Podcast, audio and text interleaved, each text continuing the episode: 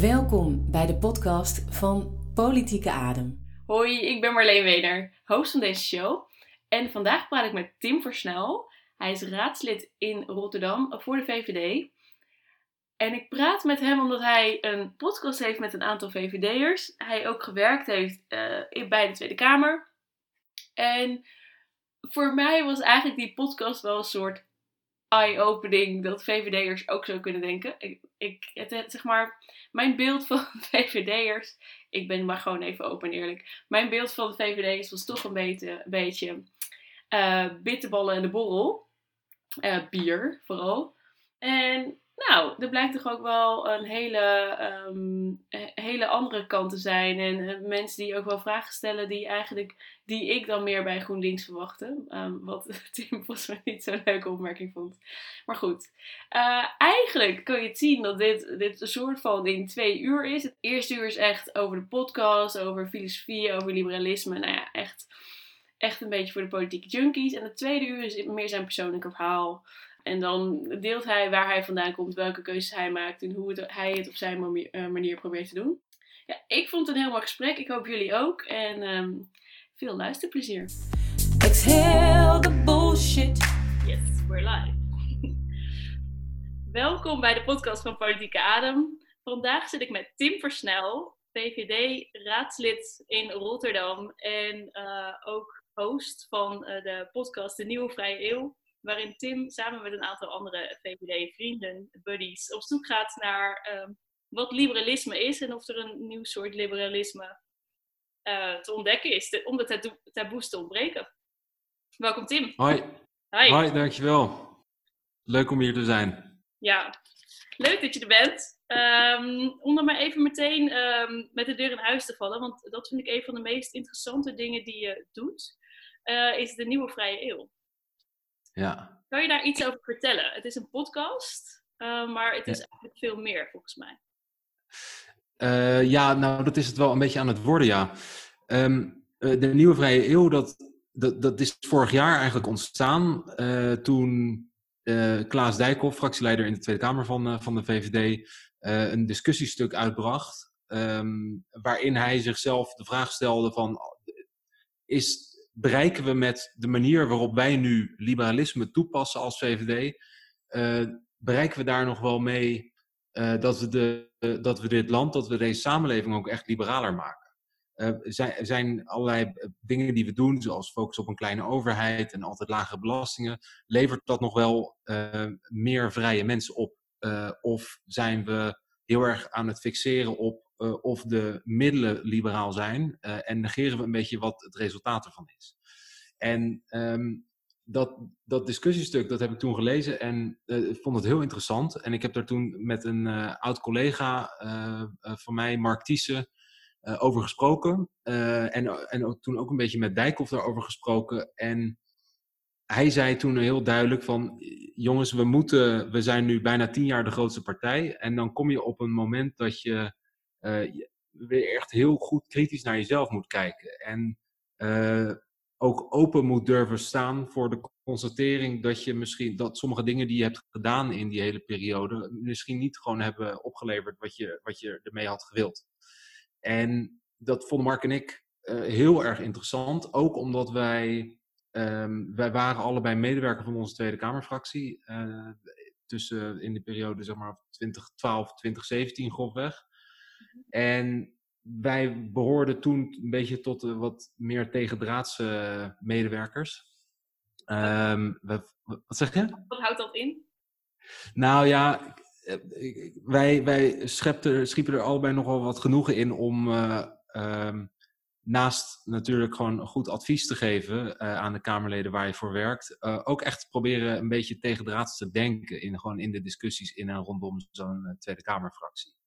Dus als het gaat om Europa, klimaatverandering, dat soort onderwerpen, namen wij vaker een beetje de rol om, om een beetje tegen te hangen eigenlijk. Om, om ook gewoon echt serieuze discussie over dat soort onderwerpen een beetje teweeg te brengen. Nou, en de, de, en ik dachten toen na dat discussiestuk van, van Dijkel van oké, we willen nu zelf ook, we, willen deze discussie in de partij nu ook breder op gang helpen brengen. Um, en dat betekent dat mensen ook gewoon de ruimte die er op dat moment ontstond moeten gaan nemen. Om kritisch te zijn op, wat we, op, op eigenlijk het beleid dat we in de afgelopen tien jaar hebben gevoerd. En toen hebben Mark en ik een stuk geschreven dat eigenlijk ging over, uh, over de economie, heel specifiek. Dus uh, werkt de vrije markt zoals we die nu hebben, nog wel voor het merendeel van de mensen. En eigenlijk onze stelling daarin was heel erg van de vrije markt zoals we die nu hebben, creëert eigenlijk heel veel ongelijkheid en leidt ertoe dat heel veel heel belangrijke functies door steeds minder mensen worden vervuld. En nou, nu met de coronacrisis hebben we dat ook weer ervaren. Al die vitale beroepen, dat zijn uh, stuk voor stuk ook heftig ondergewaardeerde, onderbetaalde beroepen. Onder andere door, de, ja, door eigenlijk de fixatie op wat dan gezonde overheidsfinanciën heet van de VVD. En nou, op dat discussiestuk hebben we toen heel veel positieve respons eigenlijk gekregen. Overigens natuurlijk ook heel veel heel kritische respons. Want we trapten dan ook wel tegen wat heilige huisjes aan. Um, en toen dat zo goed uh, viel en ons ook goed beviel, hebben we gedacht van ja, eigenlijk willen we meer uh, doen met deze discussie. En we willen, en ook over andere onderwerpen. En toen hebben we nog, zijn we daarover in gesprek gegaan met de derde van, van de huidige drie van de Nieuwe Vrije Eeuw, Tom de Bruyne.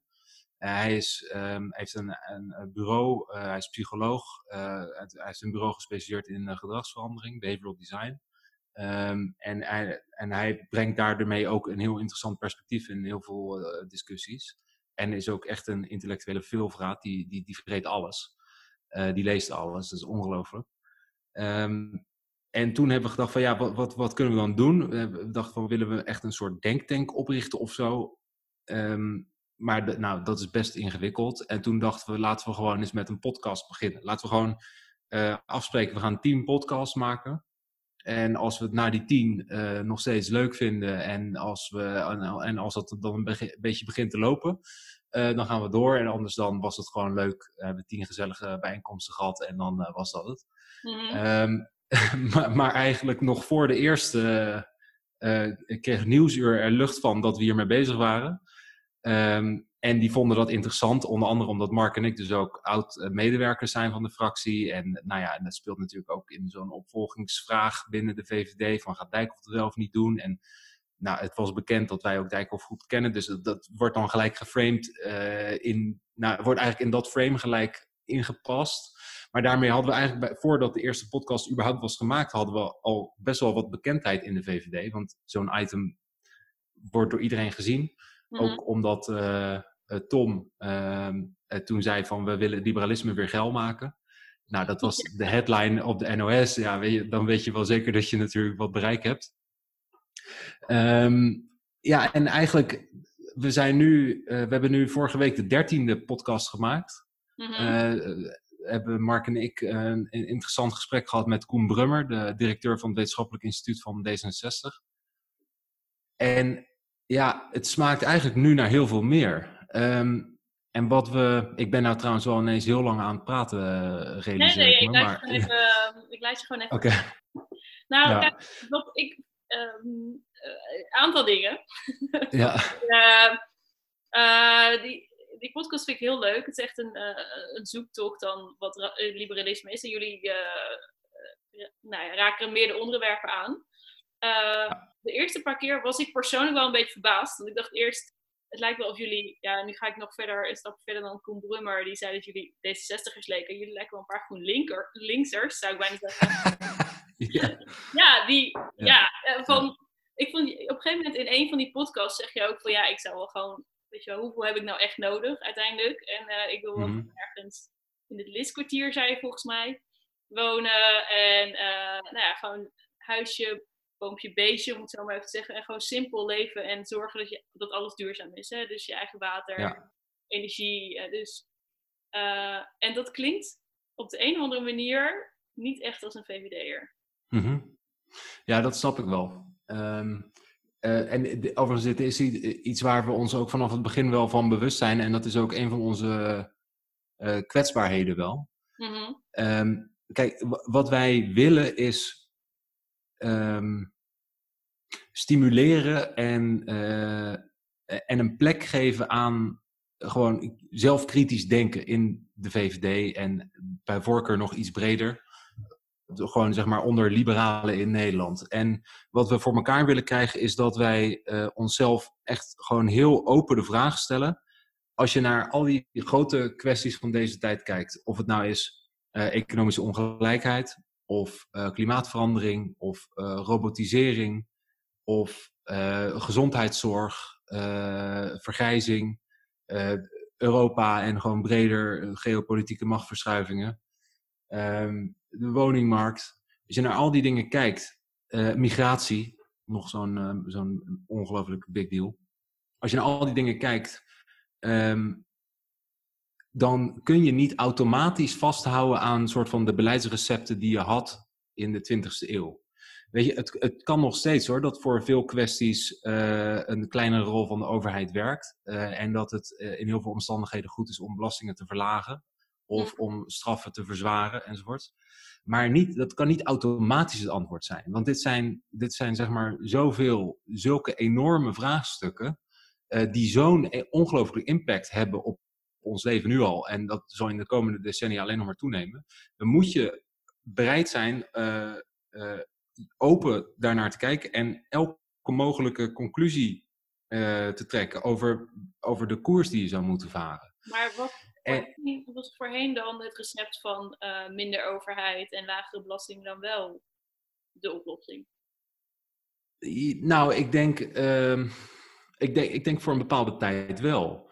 Um, ik, als je kijkt naar de jaren 80 uh, en, en, zeg maar als, als resultaat van de jaren 60, 70, was de overheid echt, echt heel erg uh, topzwaar geworden. Had een, te grote rol in de economie, had allemaal bedrijven, ondernemingen eigenlijk, waarvan die voor een groot deel denk ik terecht zijn geprivatiseerd. Omdat, je, omdat um, heel veel wordt gewoon niet beter als er geen marktprikkel in zit. Die leidt tot prestatieverbetering en dergelijke. En, um, dus ik denk dat een daar geloof ik als liberaal ook wel in, dat uiteindelijk heel, zeg maar, de, de beste prestaties worden geleverd als mensen in competitie zijn met andere mensen. En als een overheid iets doet, is dat competitie-element er niet. Um, dus ik, dus ik, in die ontwikkeling um, vanuit zeg maar in de jaren 80, 90 uh, geloof ik nog steeds wel. Alleen, um, het, het, het is niet iets wat je eindeloos moet blijven doen. Snap je? Het, het is, uiteindelijk gaat het om een balans uh, tussen, verschillende, uh, tussen verschillende belangen. Um, um, maar zijn we nu te ver doorgeschoten in die marktwerking? Wil je dat dan zeggen? Uh, nou, niet per se marktwerking, maar wel in hoe die markt werkt. Um, dus er is niet te veel marktwerking, maar de marktwerking die, die, werkt verkeerd. En mensen eh, hebben wel eens het verkeerde idee dat, uh, dat marktwerking geen regels is. Of dat vrije markt geen regels betekent. En dat is natuurlijk onzin. Elke markt heeft regels. En anders, anders is het geen markt. Dan is het gewoon zeg maar een free-for-all. En ja. als, je kijkt, als je kijkt naar hoe nu de arbeidsmarkt werkt bijvoorbeeld. En ook gewoon hoe de lastenverdeling werkt. Hoe, hoe de overheid belasting int en bij wie en in welke mate. Ik denk dat dat niet meer, dat dat door is geschoten uh, in het voordeel van, van mensen en organisaties met veel kapitaal. Dus voor, dus Sander Heijnen en een, en een collega journalist van hem, die hebben een boek geschreven, Fantoomgroei, dat is een paar maanden geleden uitgekomen. Gelezen, ja. Heel interessant. Ja, ja knettergoed boek. Ja. En um, en wat ik heel zeg maar, treffend vind in hun beschrijving is hoe Eindhoven, uh, Eindhoven sorry, uh, moet je nagaan, uh, Philips, ja. zo, zo sterk is die band dus, ja.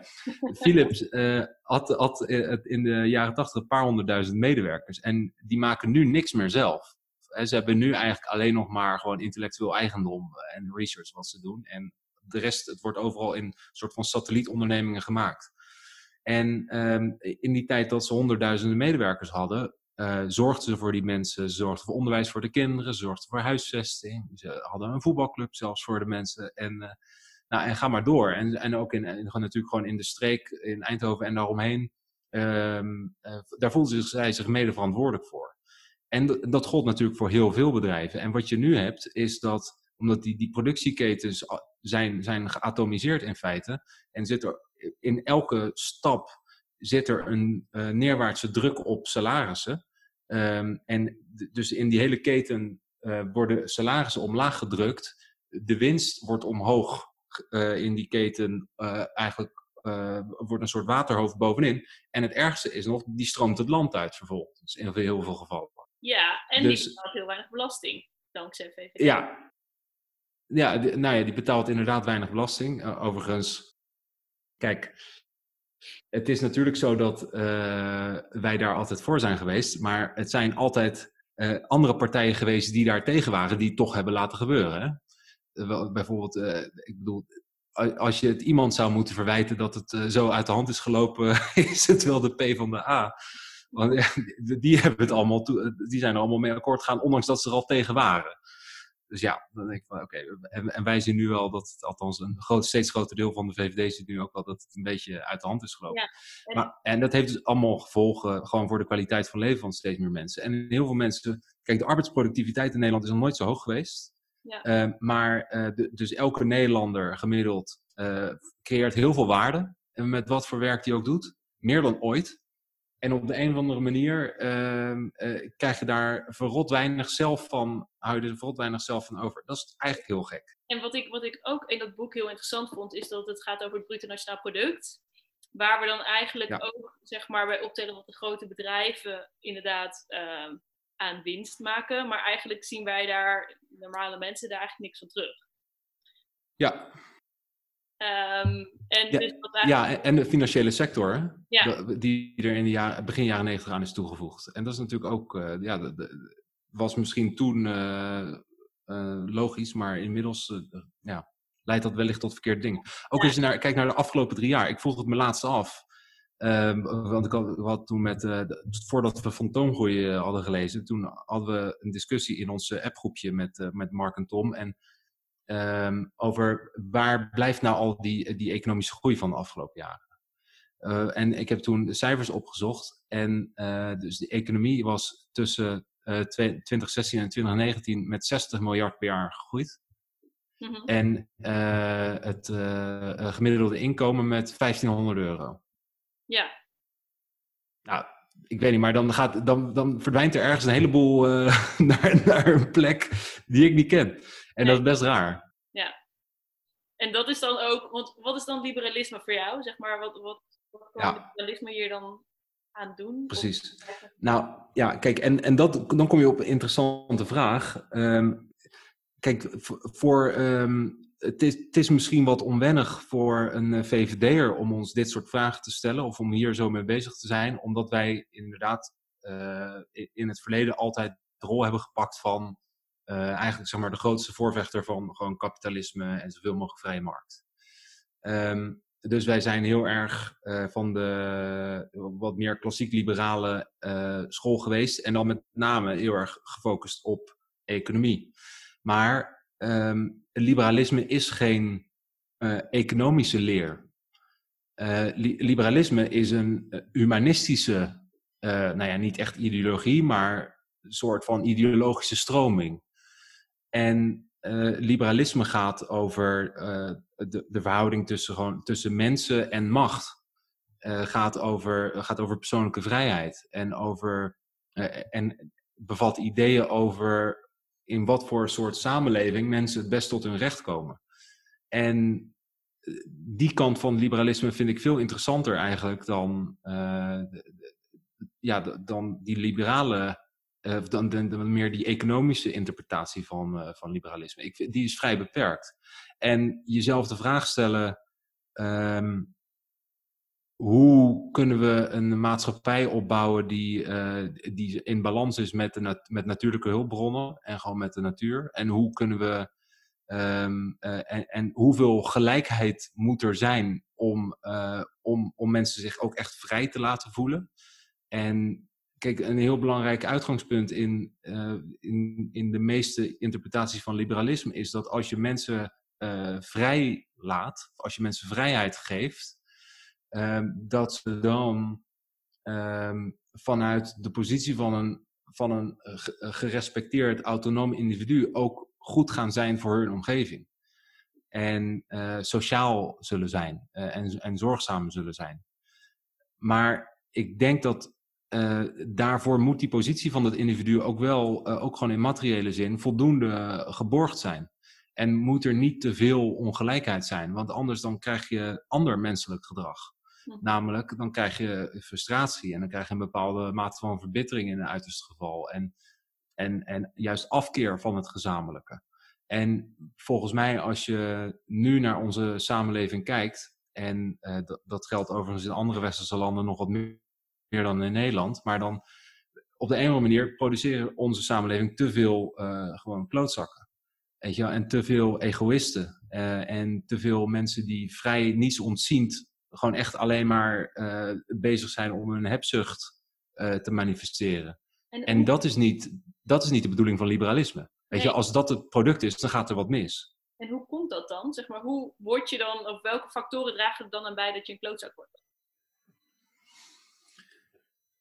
Ja, ik denk een combinatie van uh, dat het dus kan. op de een of andere manier. Uh, je, bedoel, het is volstrekt geaccepteerd dat je in Nederland dat je rijk wordt uh, door gewoon troep te verkopen.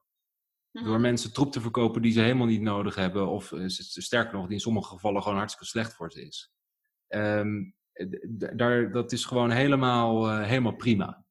Um, dat en dat is raar. Zou je zeggen. Dat is, ja, precies. Maar het, kijk, als ik het, verkoop en mensen vinden het ook echt troep, dan verkoop ik niks. Maar schijnbaar heb je dus behoefte aan troep. Zo kan je het ook stellen. Ja, ja, ja dat klopt wel. En uh, marketing is gewoon heel goed hè, tegenwoordig. Uh, er wordt natuurlijk echt... ja, maar ik bedoel, er, zijn het, er wordt miljarden mee verdiend wereldwijd. En, en met reden, want uh, als je, als je erin slaagt om mensen gewoon uh, helemaal verslaafd te maken aan uh, allerlei hele slechte e-, voedingsproducten bijvoorbeeld. Uh, of als je, als je erin slaagt om veel te veel geld te laten betalen voor stukjes technologie. waar ze eigenlijk ongelukkiger van worden. Nou, mhm. dan doe, doe, je qua marketing ergens iets heel goed. Alleen de vraag is van, um, ik, ik, ik vind niet per se dat de overheid allerlei dingen moet gaan verbieden. Maar waarom is, vinden we het, is het gewoon sociaal geaccepteerd?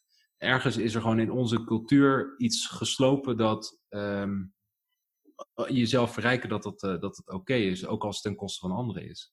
En, dat, dat vind, ik best wel, eh, vind ik best wel heftig. Um, is, uh, want ik vind zeg maar deze.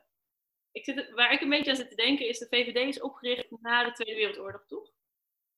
Ja zou je eens een soort geschiedenis kunnen schetsen van, oké, daar was, de, was de behoefte in na de Tweede Wereldoorlog was natuurlijk een andere als die van nu. En hoe dan het liberalisme vanaf toen eigenlijk misschien ook veranderd is en waar we dan nu staan, of hoe het dan nu er anders uitziet? Hmm. Um, nou, kijk, de, de VVD is ontstaan eigenlijk als een afsplitsing uit de PvdA. De PvdA is met, uh, met uh, als gevolg van de geest van Gestel. Hè. In Gestel zaten tijdens de Tweede Wereldoorlog allemaal politici uh, en intellectuelen bij elkaar opgesloten. En die hadden daar, ja, en die kregen daar met elkaar het idee om uh, de verzuiling die zo heftig was voor de oorlog, om die te doorbreken. Dus eigenlijk om die, die, zeg maar, die, die periode van bevrijding en wederopbouw die onvermijdelijk was, om die te gebruiken om ook echt sociaal en, en maatschappelijke grote doorbraak te forceren. Mhm. De doorbraakgedachte werd het genoemd. Ja. En, uh, en, en Dr. Oud, dus de, ook oud burgemeester, nee, toenmalig burgemeester van Rotterdam trouwens, die uh, zat daarbij en uh, die raakte vrij snel gedesillusioneerd, omdat hij merkte dat het te veel gewoon een voortzetting was van de SDAP, dus de vooroorlogse P van de A eigenlijk. Mm En die dacht van ja, dit, uh, dit wordt hem niet. Um, en toen heeft hij samen met Dirk Stikker, uh, toenmalig directeur van Heineken, um, hebben zij de VVD opgericht in uh, Amsterdam in 1948, eh, als ik het goed heb. Ik praat iets zachter, want ik zou het heel vervelend vinden als ik dit fout heb. ja. ja. Maar goed, maar Sticker was een progressieve man die um, wilde ook de positie van werknemers in Nederland heel erg verbeteren. Dus dat was niet, het waren allebei geen niets ontziende zeg maar kapitalisten, zoals je die ook bijvoorbeeld in Engeland onder de klassiek liberalen wel had. Ehm, en de VVD is vervolgens heel lang eigenlijk een heel klein partijtje geweest. dus zo rond de, de tien zetels. En eigenlijk pas met Hans Wiegel in de jaren 80, eind jaren 70, uh, jaren 80, is er een soort van eerste doorbraak gekomen en is de VVD de middenstandspartij geworden. En, um, sorry, de VVD is toen altijd gewoon heel erg gefocust geweest. En want je had toen natuurlijk nog steeds best wel wat verzuiling in Nederland. Dus, uh, en, en de liberalen, dat waren eigenlijk zeg maar de niet verzelde cel. Dus uh, daar was er minder heftige sociale controle, maar daar zat gewoon meer de, de, de ja, zeg maar de niet-christelijke middenstand zat daar. Dus kleine ondernemers, winkeliers, een beetje industriële zoals je die uh, in die tijd had. Uh, en mensen die zich daarmee verbonden voelden. En toen in de jaren tachtig, um, natuurlijk met het kabinet van acht, um, heeft, heeft de VVD een grote rol gespeeld in eigenlijk het beteugelen van de, de, toen wat uit de, uit de hand lopende omvang van de overheid. Mm-hmm. en, ja, en in de jaren negentig natuurlijk met het Paarse kabinet was dat gewoon een periode wereldwijd van, althans in het Westen, van forse liberalisering van de publieke sector. Ja. En uh,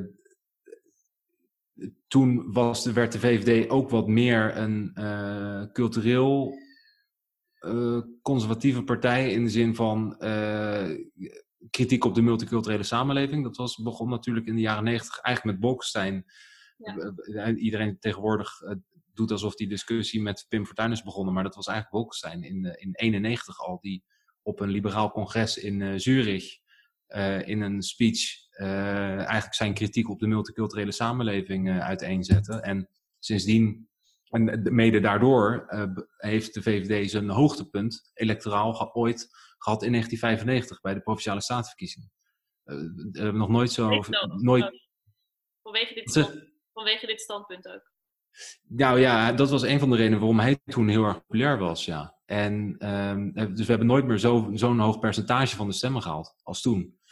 Um, en, dus, en, en sindsdien eigenlijk is de VVD een uh, een partij die uh, kritisch staat in de, in, in, in de discussie over integratie, over immigratie. law and order partij een beetje als het gaat om, om veiligheid. En tegelijkertijd um, voor lage lasten, minder regels voor het bedrijfsleven. Um, en daarmee denk ik dat we heel lang um, ook spot on zaten als het gaat om wat er speelt in de samenleving. En ook uh, de goede dingen hebben gedaan eigenlijk voor, voor, wat, voor wat het land nodig had. Uh, bijvoorbeeld uh, tot uh, de kabinetten Rutte.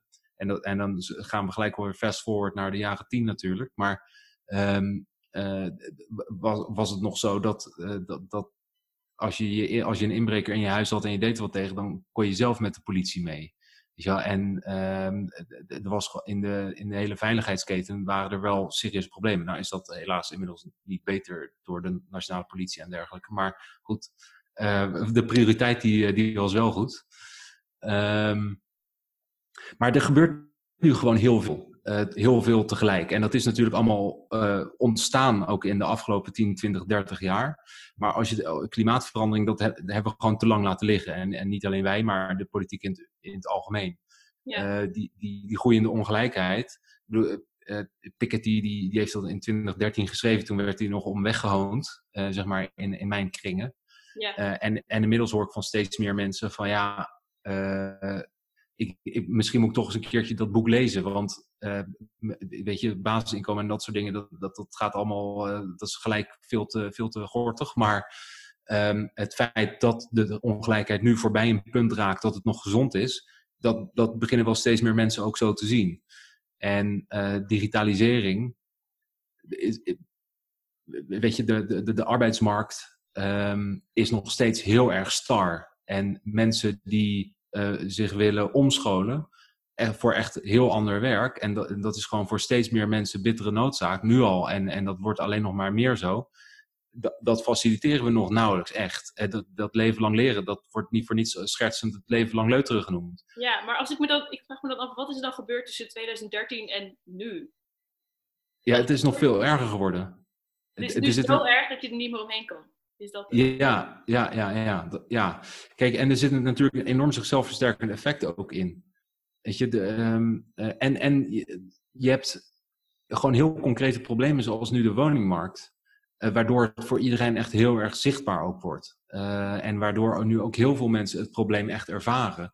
Want je hebt aan de ene kant mensen die met, eh, met dus al geld, met, al een, met al een vermogen, die ehm, gewoon, ja, voor wie huizen het perfecte investeringsobject zijn. En, en dat gebeurt dus ook, het beleggingsobject. En aan de andere kant heb je mensen die dus geen startkapitaal hebben. En, en sterker nog, in veel gevallen nu ook een studieschuld hebben. Die komen er gewoon helemaal niet aan te pas. En ja, dat leidt gewoon tot heel veel eh, frustratie. En die snap ik heel goed. eh, Tot heel veel, tot, tot een gevoel van onrecht. Hoe, hoe kan het nou dat het voor sommige mensen schijnbaar zo makkelijk is om, eh, voor, die, kunnen in feite huizen sparen bijna. En eh, andere mensen die, die, die komen er gewoon helemaal niet aan en die zitten noodgedwongen, ja, die zitten letterlijk dus vast in een huurwoning waar ze eigenlijk ook al te veel voor betalen. Mhm. En kijk, dit is allemaal niet eh, liberaal, zo'n land waarin dat zo werkt. Mhm. En dat, dat, dat is een beetje de, ook de, de, de essentie van onze, van onze zoektocht. Ons de vraag stellen van oké, minder regels, dat, dat voelt liberaal. Eh, en dat je, eh, dat je mensen niet zoveel beperkingen wil opleggen in waar je je vermogen, als je dat gewoon eerlijk hebt verdiend, in investeert. Dat is ook liberaal. Ehm, en eh, dat, je, dat je niet de overheid huizen laat bouwen, maar dat je dat op een bepaalde manier door de markt laat doen met, met investeerders en met projectontwikkelaars. Dat is ook liberaal. Alleen als dat allemaal bij elkaar opgeteld leidt tot een situatie zoals ik die net beschreef, namelijk waarin gewoon zeg maar normale middenklasse kids met een prima salaris, met z'n tweetjes, nog steeds bijna geen huis kunnen kopen gewoon in hun eigen stad. En aan de andere kant zijn er mensen die, die ze sparen. Ehm, dat, is niet liberaal. Dat is niet het soort, gewoon principieel niet, omdat je wil dat eh, elk mens gewoon een, eh, een beetje een dat, dat elk mens dat gewoon normaal eerlijk werkt en een goede burger is, wil je gewoon, moet gewoon een goed leven kunnen opbouwen, inclusief een eigen huis. Ehm, en eh, dat, dat bijt dus aan, ehm, aan dat liberale eh, eh, droombeeld van een land waarin, a- juist omdat je mensen vrijlaat en, en eh, autonoom laat zijn en, en, en zelfrespect en eigenwaarde laat opbouwen daardoor, dat je dan ook gewoon een goede burger bent en voor je naasten zorgt en op een positieve manier een bijdrage levert. Het kan bijna niet anders dan dat je dus voor meer regels gaat. Ehm, ja, soms wel. Ehm, maar het heeft met name ook te maken, niet per se meer regels, maar ehm, welke regels? En, en kijk, de overheid gaat, eh, volgens mij heeft het kabinet dat aangekondigd eh, vorig jaar al, eh, om eigenlijk zeg maar die, die fiscale regels rond, rond de eigen woning, rond, rond woningen, wat te veranderen.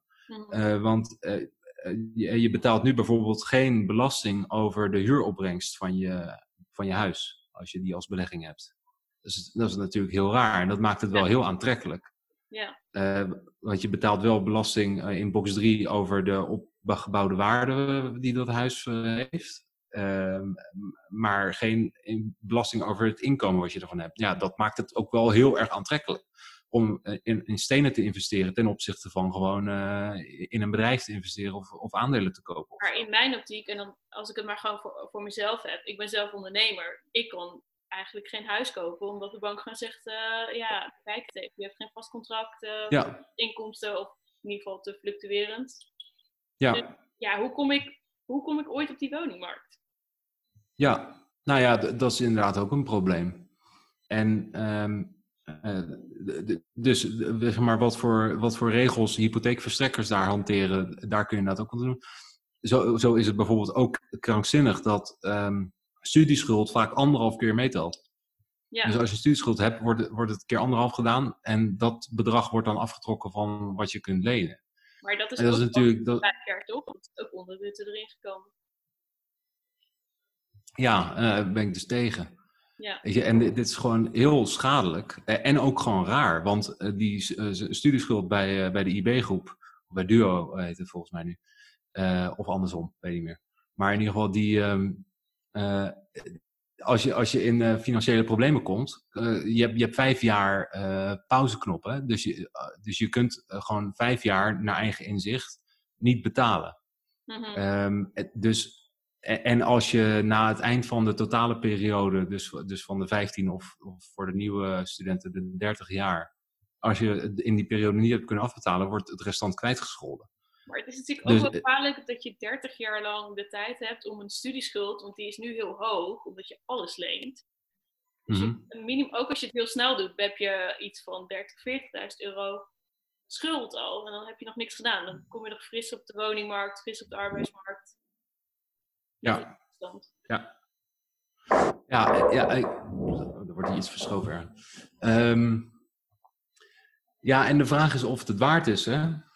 Eh, kijk, die, het, het, het levert een miljard op zo ongeveer. En dat werd dan geïnvesteerd in de onderwijskwaliteit.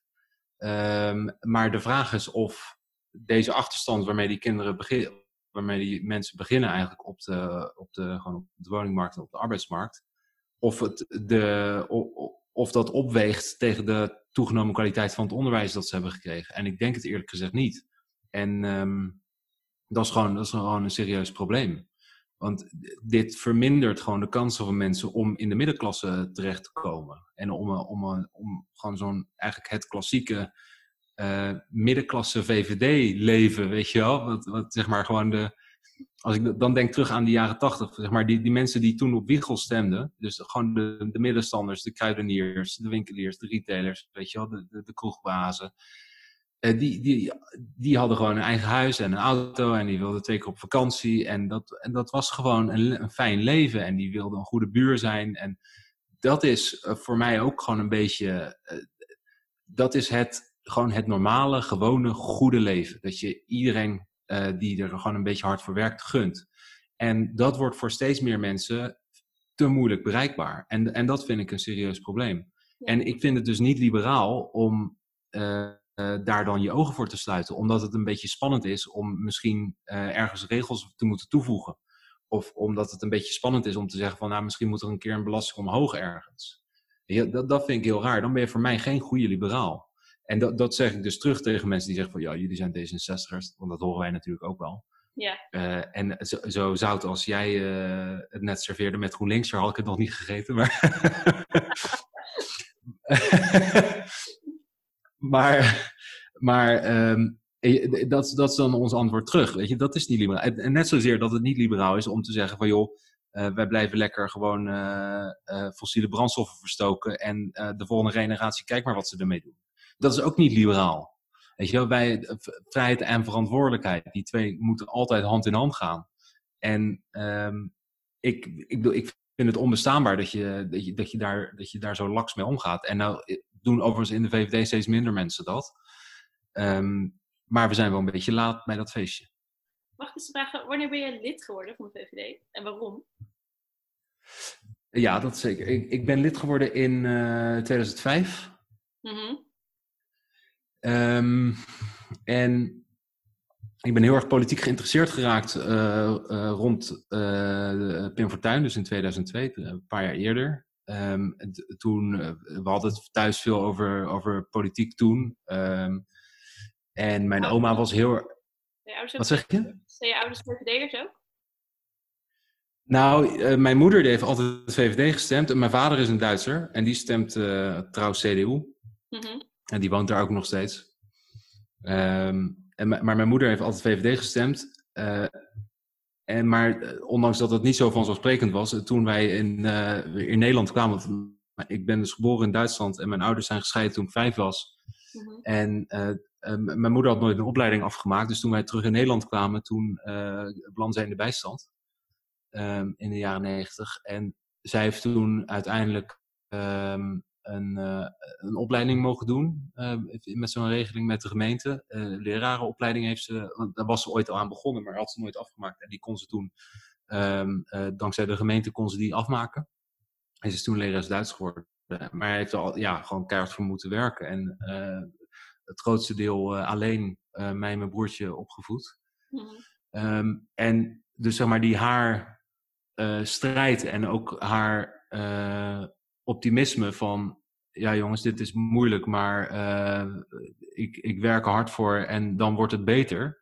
Dat, dat is voor mij heel erg, dat, dat heeft mij ook heel erg uh, uh, daarin gevoed eigenlijk.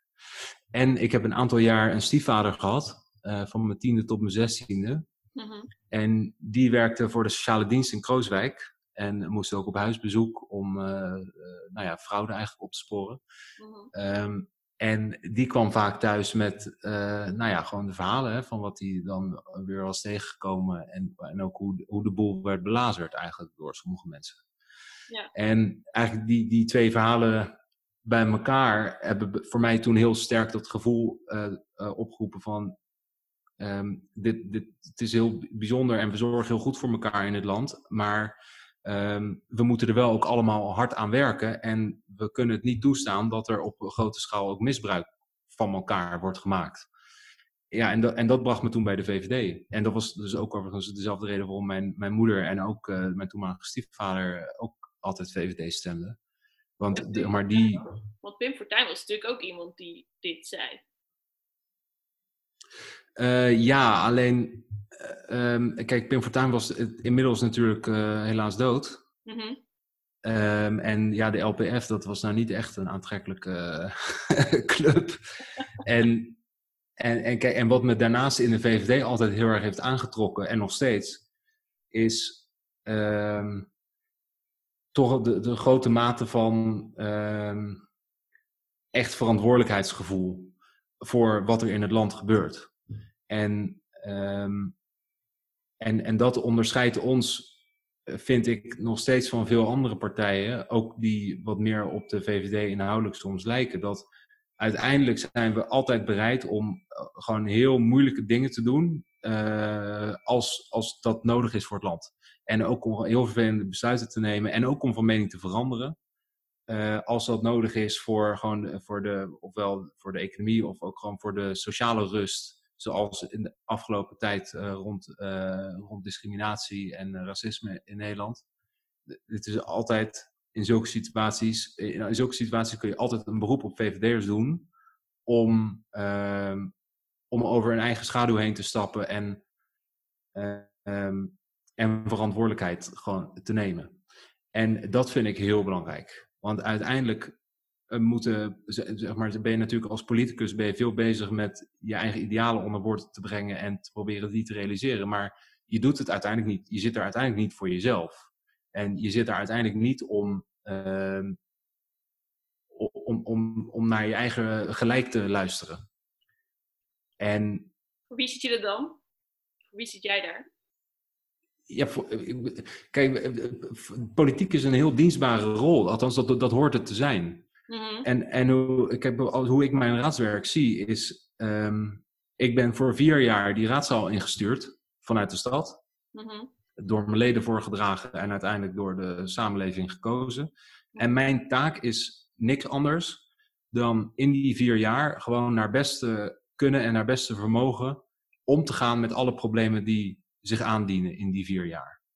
En uh, het is fijn als dat ertoe leidt uh, dat je dan vervolgens de volgende verkiezingen wint. Maar dat is niet het doel. Dat kan alleen een bijproduct zijn van je werk goed doen. En eh, je moet het, ik vind, je moet het dus altijd in die volgorde zien. En er zijn te veel uh, politici um, die wel eigenlijk te veel bezig zijn, in mijn ogen, met de volgende verkiezingen. En, en goed, het goed beleid voeren, zeg maar, als, als de gelegenheid zich voordoet en het kan, uh, dan is het goed. Maar dat, dat staat niet voorop. Um, en ook uh, te veel politie die die raadzaal ingaan, of, die, of, het, of de Tweede Kamer. Um, en, elke, en, en zeg maar, elke keer weer naar buiten komen en de stad inroepen hoe verschrikkelijk de rest in die zaal is. Mm-hmm. En, en, terwijl ik vind, je, je bent die zaal ingestuurd om met de problemen die zich in die vier jaar aandienen om te gaan. En je zult het met, moeten doen met iedereen die je in die zaal aantreft. Of je ze nou leuk vindt of niet. En of je dan met ze eens bent of niet. Ik heb de taak om gewoon om te zorgen dat er in die zaal een meerderheid komt voor, uh, voor voorstellen die het dichtst bij zitten bij wat het best zou zijn voor de stad. Maar ik ben, ik ben heel erg mee eens, die analyse van dat veel mensen er ook vooral mee bezig zijn met eh, ik wil herkozen worden. Maar zit dat misschien ook niet in het systeem? Want dat is natuurlijk heel kort tijd, vier jaar. Ja. Ja, ik denk langere periodes zouden om verschillende redenen beter zijn. Dit is er één van. En ook omdat, je, om, omdat serieuze investeringen kosten gewoon langer dan vier jaar. Zeg maar vanaf het moment van besluitvorming tot, totdat je echt resultaat ziet. En ook serieuze stelselwijzigingen, gewoon bijvoorbeeld in het sociale domein, dat kost allemaal gewoon veel meer tijd. En die vier jaar, die, die functioneert inderdaad echt wel een beetje als horizon en ook als een soort van grens op, op, op het denken. Um, um, en daarnaast denk ik dat het ook uh, electoraal inderdaad rust zou geven. Uh, omdat de volgende verkiezingen altijd dan, nog iets verder weg zijn. Daar staat wel tegenover dat uh, kiezers dan minder gelegenheid hebben om bij te sturen. En, en dat je wel het risico loopt dat onvrede zich zeg maar ophoopt en opbouwt. en dan op een andere manier een uit, uitlaatklep eigenlijk zoekt. Ja. Um, en, en, en dat moet je ook wel serieus meewegen. Hey, en je noemt grens van denken, hè? Dus uh, een beetje van, oké, ja, dat is misschien over vijf jaar, zes jaar, zeven jaar. Nou ja, dan ben ik er misschien niet meer, dus laat ik daar wel niet over nadenken. Dat bedoel je daarmee, denk ik. Is dat bij jou dan ook zo? Als jij zegt van, nou ja, ik, ik zit daar niet voor mezelf, maar ik zit daar wel echt om de stad te dienen, in dit geval? Of zit bij jou mm. toch ook nog, ondanks dat je dat misschien niet wil, zitten ze toch wel ergens dat je denkt, ja, dit is ook wel lastig. Want klimaat, dat is natuurlijk een reden dat misschien het klimaat nooit, nooit eerder echt is aangepakt. Is omdat het ja. korte termijn is. En klimaat is natuurlijk uiteindelijk lange termijn. Ja, nou ja, dat, dat, is zeker een probleem. Kijk, en ik ben natuurlijk zelf ook uh, absoluut niet ideaal. Hè? Uh, dus ik wil ook uitkijken dat ik nu mezelf niet uh, neerzet als de ideale politicus en de rest deugt niet. Mm -hmm. ik ben natuurlijk ook gewoon vatbaar voor alle, uh, net als elk ander mens, voor de verkeerde impulsen. Maar ik probeer me er wel tegen te verzetten. En um, kijk, ik, ik, probeer me er niet eh, te veel van aan te trekken. Kijk, het, het belangrijkste is uh, dat als ik, als, als ik over twee jaar klaar zou zijn, um, de, en daar, daar moet je altijd van uitgaan. Weet je, je bent gekozen voor één termijn en dus in principe is het daarna klaar. Mm.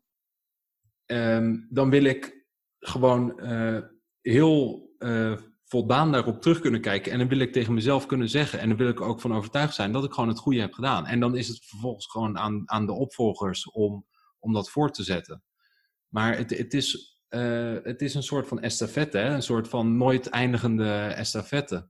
En dus ik loop een stuk met dat ding. En ik geef het vervolgens aan de. En, en dat doe ik zo goed mogelijk. Eh, ik zet zo'n goed mogelijke tijd neer, bij wijze van spreken. En dan is het vervolgens aan degene die daarna komen. Om, uh, om dat ook te doen. En misschien komt er een keer iemand die wat minder hard loopt. Of uh, iemand die een paar keer struikelt. Dat maakt niet uit. Maar in ieder geval, ik wil zeker weten dat ik mijn stukje van die estafette gewoon zo, goed heb gedaan als ik kan. En, um, en, en dat is wat altijd voorop staat. Kijk, als het gaat om mijn uh, mijn eigen werk in de raad. Kijk, mijn portefeuille zit heel erg in het sociale domein. Um, en daar is het lastig in de zin dat je, kijk, als je bijvoorbeeld werkt met stedelijke ontwikkeling, of, of inderdaad de energietransitie, uh, dat, dat gaat ook om concrete investeringen, die, dingen die je moet bouwen, wijken die je van het gas af moet halen of zo. Daar zijn die, is, de tijd, is het tijdpad ook echt wat concreter. Dus er worden nu natuurlijk gewoon allerlei uh, gebiedsontwikkelingen en zo worden in gang gezet, die pas over tien jaar klaar zijn.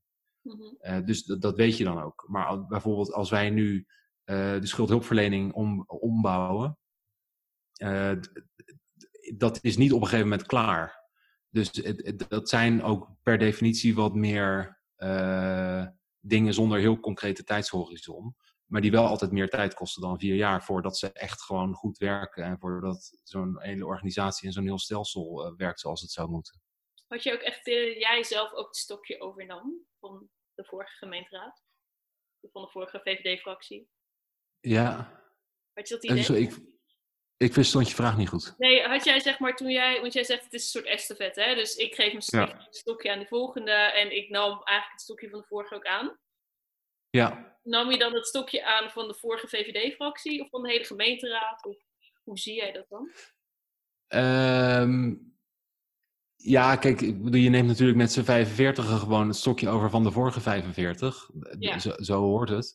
Eh, maar kijk, heel concreet heb, neem ik het natuurlijk dan heb ik het stokje voorgenomen of overgenomen van mijn voorganger, eh, Simon Becker in dit geval, uh, oud-raadslid van ons. En die, ja, die, die, heeft mij toen gewoon heel uitgebreid eigenlijk gebriefd over hoe staat het met, met onze aanpak van bijstand, hoe staat het met, uh, met, zorg, onderwijs, al die thema's waar ik mee bezig ben.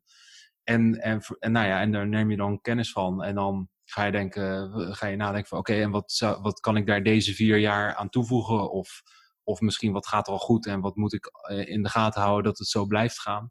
Um, en dat heeft Simon, moet ik zeggen, wel heel erg goed en grondig gedaan.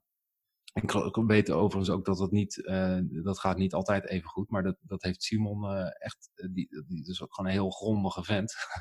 en die had alles uh, ook echt heel erg mooi gedocumenteerd en bijgehouden. Dus dat, dat was echt ideaal. En ja. dan ben ik van plan dat als, als, de, als dat moment er komt, op dezelfde manier ook voor mijn opvolging te doen. Ja. Um, en wat heb je ander, want toen je nieuw kwam in de gemeenteraad, heb je toen ook nog allerlei trainingen gedaan, debattrainingen, of kon je dat al?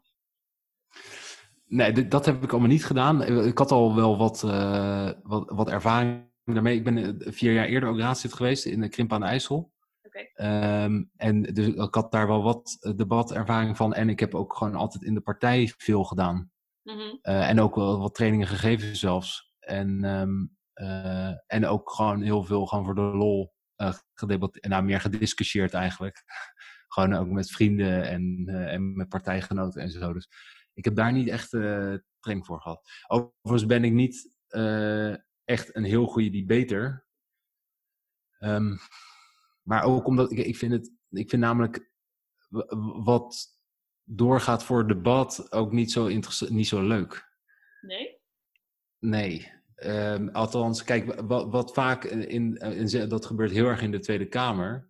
Um, dat met die, met die opgezette interrupties, weet je wel, dat, je, dat je van tevoren een manier bedenkt om iemand in een lastige hoek te zetten of om iets te laten zeggen wat hij eigenlijk niet wil zeggen. Ja, ik vind, ik vind dat eigenlijk volstrekt nutteloos. Want ik, ik, de debatten zijn. Uh, zijn om een aantal redenen belangrijk. Natuurlijk zijn ze ervoor om aan je achterban te laten zien wat je ergens van vindt. Uh, en het kan ook nuttig zijn om uh, een andere partij die onduidelijk is over wat ze vinden, of die iets probeert gunstig, veel gunstiger voor te stellen dan het is, kan nuttig zijn om dat eigenlijk bloot te leggen. Um, maar de, weet je, van die opzetjes met als doel er een filmpje uit te halen en zo, dat vind ik, ja, ja ik vind dat gewoon niet zo boeiend.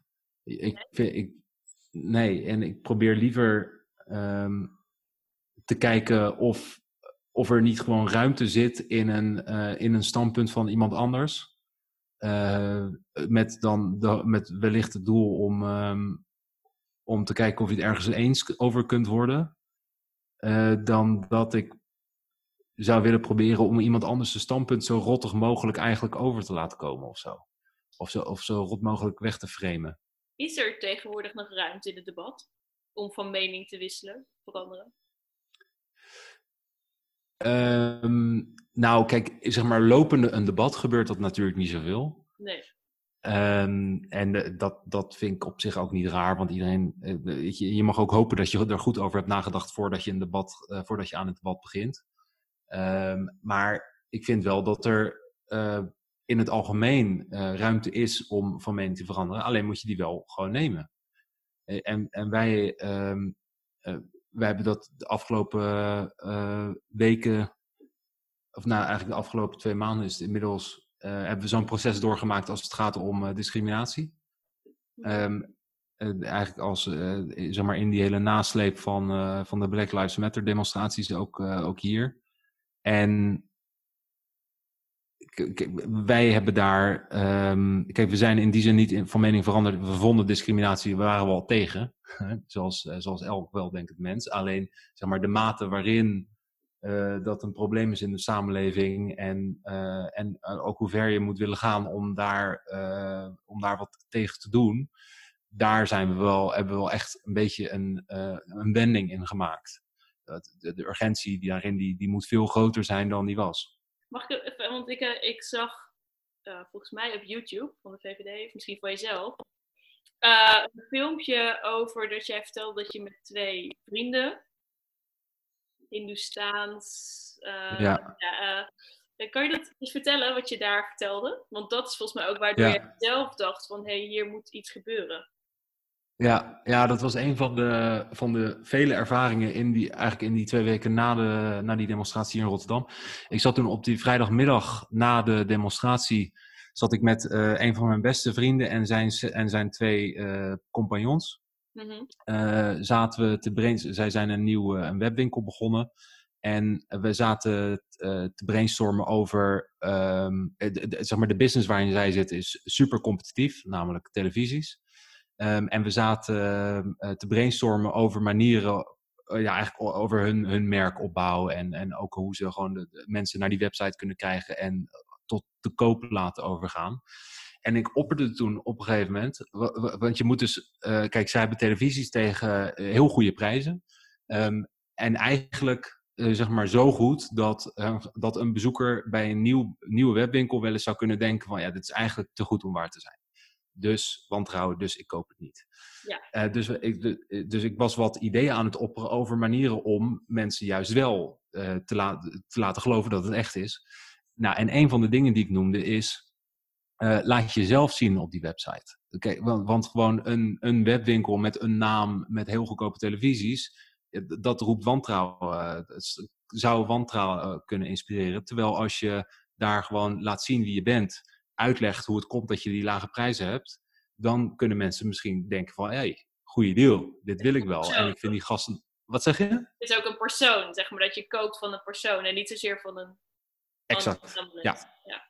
Ja, exact. Dus je moet het gewoon een gezicht geven en een naam en een verhaal en dan kunnen mensen dat vertrouwen. Nou ja, en dus die, ehm, eh, die, die vriend van mij, eh, die, die, dat is een, eh, gewoon een blanke Hollander. En die andere twee, die hebben Surinaamse roots, een Hindoestaanse en een Creoolse Surinamer. En dus die, eh, ja, die, die keken elkaar wat ongemakkelijk aan toen ik dat eh, opperde.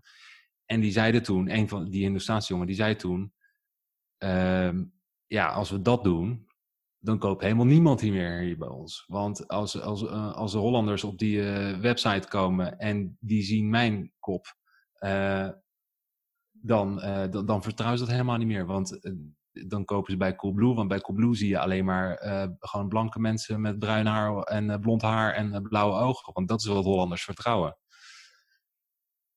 Ja, dat vond ik, dat was echt. ehm, dat ging toen echt door merg en been. En ik heb het vervolgens nog erger gemaakt, eh, onbewust volgens mij. Ehm, ik, want ik heb hem er niet meer over gesproken. Om, ook, ja, het is dan. Het, het is een heel moeilijk thema om over te praten, weet je, omdat je niet, je weet niet precies hoe, hoeveel pijn iets doet, hoe gevoelig iets is soms. Het is echt, eh, het is natuurlijk ook soms, daarom een beetje op eigen lopen. Maar eh, hij zei, eh, want hij heeft ook een baard. En hij zei van ja, en ik heb ook zo'n Taliban baard. Dus, dus hij maakt dan natuurlijk een beetje zelfspot. En, en ik zei van ja, maar ja, het gaat niet om die baard. Maar ik zei van als ik gewoon jou, gewoon zo je ogen zo zie, dan, eh, ik bedoel, je hebt gewoon een scherpe blik in je ogen. En als, als ik van jou zou horen van, ja, ik heb gewoon een goedkope televisies geregeld, dan, dan geloof ik je. Maar waar, waarmee ik misschien onbewust hem nog meer het gevoel heb gegeven van, ja, je ziet mij gewoon als zo'n loesje, eh, onbetrouwbare gast die natuurlijk iemand heeft afgezet en te goedkoop televisies heeft ingekocht, weet je wel. En ik weet, ik weet niet of het zo is, maar dat, dat gevoel kreeg ik. Maar, maar het belangrijkste is dat um, ik denk dat hij nog gelijk heeft ook. Weet je wel, dat Nederlanders um, toch inderdaad minder snel hem dan zouden vertrouwen met die, uh, de, de, minder snel erop zouden vertrouwen dat ze echt niet van de, uh, van de vrachtwagen zijn gevallen en dat ze ook echt daadwerkelijk echt worden geleverd en dat ze het doen. Um, en dat zijn van die, en het is, het is zeg maar om twee redenen erg. Eén, uh, het is gewoon ja, principieel onrecht uh, wat je die mensen aandoet. Ehm, en zelfs als het, zelfs als het niet helemaal uh, zou kloppen, uh, zelfs als het in werkelijkheid mee zou vallen met de mate waarin mensen hem dan minder snel vertrouwen, gewoon het feit dat dat, dat, dat zo stellig bij hem tussen zijn oren zit en waarschijnlijk bij heel veel anderen, leidt ertoe dat je je minder snel uh, erkend voelt, dat je je, sneller uitgesloten voelt, uh, dat je sceptisch, dat je cynisch wordt over deze maatschappij. En dan gaat er gewoon echt wat mis. Weet je wel, dat, dat kunnen we gewoon niet accepteren. En zulke verhalen kwamen natuurlijk meer. Hè? Dus ik was toen ik op die zaterdag ging met, uh, uh, met mijn vriendin bij een ander stel eten. En daar kwamen ook verhalen van dat ze in de stad waren en dat de hele groep ergens werd bij een, bij een club gewoon werd binnengelaten. En de ene zwarte jongen die erbij was niet. Weet je wel? En, en ook heel veel andere Um, ik, ik heb zelf gewoon een vrij multiculturele vriendengroep, altijd al. Um, en ik heb altijd, uh, uh, en met al die andere jongens gaat het allemaal, ongeacht huidskleur en zo, dat heeft überhaupt nooit echt een rol gespeeld, maar er gaat ook allemaal hartstikke goed mee. En veel van die gasten die staan, zeg maar gemiddeld genomen, of lijken in ieder geval gemiddeld genomen een stuk zorgelozer in het leven te staan dan ik. en dus ik heb altijd gedacht van, ja, ik had, zo erg kan het niet zijn met die discriminatie. Want kijk hen eens gaan. Ja. Weet je wel? En als het echt zo erg was, dan had dat ook allemaal niet uh, gekund. Maar juist ook van veel van dat soort gasten kwamen dan in die, in die weken ook berichten op social media. En, en uh, ook gewoon verhalen toen ze sprak. Uh, over dat het natuurlijk zo is dat alles is gelukt voor hen. Maar dat ze ook veel vaker dan, dan je zou willen door gewoon echt heel kwetsende, heel vernederende dingen hebben moeten heenbijten. En um, dat het hen desondanks is gelukt, is geweldig. Maar er zijn er ook gewoon heel veel die door dat soort uh, dingen nooit helemaal hun potentieel weten te vervullen. En weet je, dat, dat is gewoon, het is op menselijk niveau niet te accepteren. Als liberaal vind ik het principieel gewoon verschrikkelijk. Want uh, kijk, gelijkwaardigheid is net zozeer een liberale kernwaarde, kernwaarde als vrijheid. En dat, dat mogen we ook niet vergeten. En daarnaast ook pragmatisch. Weet je, als we, als we deze problemen niet erkennen en als we er niet echt wat tegen doen, dan gaat die frustratie verder opbouwen. dan, dan neemt die sociale strijd neemt, en die culturele strijd neemt verder toe. Dat is voor niemand goed. En nog een ander pragmatisch punt. Weet je, we zijn met uh, eh, 640.000 Rotterdammers, 6,5 miljoen Nederlanders. Dat is niet zoveel hè, in een wereld die super competitief is. Uh, en waarin gewoon onze levensstandaard hier steeds minder vanzelfsprekend is. En als we gewoon in Rotterdam maar 100.000 hebben en landelijk misschien wel een paar miljoen, die vanwege discriminatie gewoon het risico lopen niet helemaal tot hun recht te komen, niet hun talenten volledig weten te ontplooien dan hebben we daar allemaal last van. Dat is gewoon voor ons allemaal dan gewoon een stille catastrofe. Dus dat, dat, dat, dat, kan je, dat, kan je, dat, dat kan je niet laten gebeuren. Dus daar moeten we er tegen in actie komen. En volgens is dan de vraag van... Het gebeurt al. Het is nu de vraag om er dan actie te ja. En wat is dan de oplossing? Ja, nee. Of wat zijn... jij, jij bent samen met Denk gegaan. Ik ben wel benieuwd. Ja jij hebt met Denk en meerdere partijen, zag ik, heb je een voorstel ingediend tegen discriminatie. Ja. Ja. Was dat jouw idee? Um, nou, het, Van Baarle, de fractieleider van Denk, die uh, heeft ons benaderd met het idee. Uh, nou, eigenlijk met, met, want we hebben toen in zo'n debat na die demonstratie in Rotterdam gezegd dat, we, dat die de, de demonstratie ook ons veel indruk heeft gemaakt. En dat het ook wel echt wat teweeg heeft gebracht. En hij kwam toen na afloop naar ons toe en stelde de vraag: als dat zo is, uh, dan wil ik wel eens kijken of we niet samen een voorstel kunnen doen. Hè? Dus eigenlijk een beetje de vraag van: mooi dat je dat zegt, maar ben je ook bereid boter bij de vis te doen?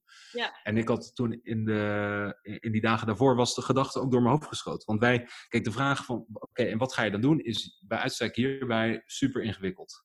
Want het is ook gewoon een, een super ingewikkeld en ook heel subtiel probleem eigenlijk in heel veel opzichten.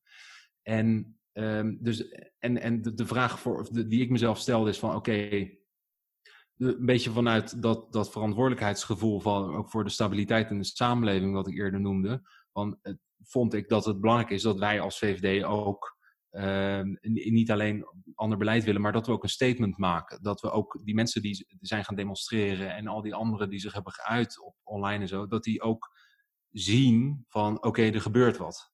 Mm het, het verandert iets. Dat, dat is heel belangrijk. En dus toen was ook de gedachte door mijn hoofd geschoten van misschien moeten we eens kijken of we samen iets met, uh, samen met Denk iets kunnen doen. Ook omdat ik ken Van Baarle vrij goed uh, inmiddels. En hij is gewoon een heel constructieve vent. Uh, van een heel andere partij dan die van mij. En dat, dat maakt het interessant. En dat, dat geeft kans om te laten zien van oké, we, we, vinden, we nemen het zo serieus dat we bereid zijn om met een heel onnatuurlijke partner eigenlijk samen te werken. Um, maar ik had eigenlijk dat idee uh, gewoon weer weggezet, omdat, omdat ik dacht van ja, er zitten ook best wel wat risico's aan. Uh, toen kwam die vraag van hen. Nou ja, kijk, met name omdat uh, Denk landelijk wel een heel ander profiel heeft dan hier in Rotterdam. En kijk, ze hebben natuurlijk filmpjes gemaakt van Kamerleden en dat heeft echt tot, nou ja, gewoon, gewoon persoonlijk grote problemen geleid, hier en daar. En um, ja, dus dat maakt het wel heel kwetsbaar ook. Uh, tegelijkertijd is, Rotter is denk hier in Rotterdam en zeker van Baarle is gewoon echt anders. Die zijn heel constructief uh, en ook wel heel fel oppositie natuurlijk af en toe. Maar in het algemeen kun je daar gewoon wel in redelijkheid goed mee samenwerken. Dus ik dacht van, nou ja, um, uiteindelijk leidde dat hier dus tot de afweging van toen die vraag van hem kwam, laten we dat wel gewoon uh, proberen. En dat ging eigenlijk heel goed. En met name omdat we uh, we wel gelijk hebben afgesproken dat, kijk, in die, in die discussie over discriminatie lopen er eigenlijk twee dingen uh, uh, door elkaar heen. En dat is één, het probleem met gewoon echt de, de, de, alledaagse discriminatie. Dus op de arbeidsmarkt, gewoon in het sociale verkeer in de stad. Um, en dat raakt heel veel mensen. Dus dat, dat raakt natuurlijk mensen met een donkere huidskleur, maar ook vrouwen en, en homoseksuelen en mensen met een geloof. Uh, dus dat, dat gaat in de kern over allerlei negatieve stereotypen en vooroordelen die mensen van elkaar kunnen hebben. Ja. Op basis van een groepskenmerk. Um, dat, is, dat is zeg maar het ene. En het andere is, um, en dat is iets wat vooral uit echt die, zeg maar, die, die uh, antiracisme beweging komt vanuit het activisme. Namelijk een kritiek op, uh, op de westerse traditie bijna. Uh, dus vanuit het koloniale verleden. Um, dat, dat beeld van het institutionele racisme. Ehm, dat verankerd zou zitten eigenlijk in, um, in, in, de westerse uh, intellectuele traditie, waar dus ook nog steeds bepaalde superioriteits uh, uh, ideeën in zouden zitten. En, en wat ertoe dan zou moeten leiden dat je eigenlijk die traditie moet afbreken door ook standbeelden weg te halen, uh, musea aan te passen en, en dat soort dingen.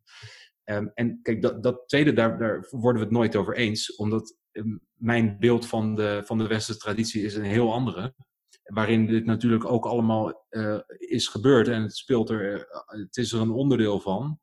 Um, maar ik ga het daarover nooit met Denk eens worden. Kijk, Denk wil straatnamen veranderen, wil standbeelden neerhalen, vindt dat de Witte de Wit niet meer de Witte de Wit mag heten, wil Zwarte Piet gelijk verbieden. Over, ik vind ook dat hij moet veranderen, maar ik geloof niet dat het werkt door in een verordening vast te leggen dat Zwarte Piet niet meer zwart mag zijn. Um, en je kunt je dus zeg maar blind staren op die, uh, op die vraagstukken, op die kwesties. En er dan nooit meer aan toekomen om iets te doen tegen die, tegen die discriminatie die er in allerlei verschijningsvormen elke dag is. Of je kunt ervoor kiezen om dat niet te doen.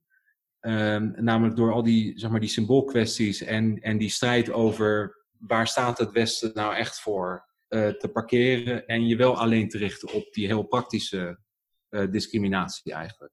En want kijk, ik ben ervan overtuigd dat je kunt uh, wel de, straat de straatnaam van de Witte de Witstraat veranderen.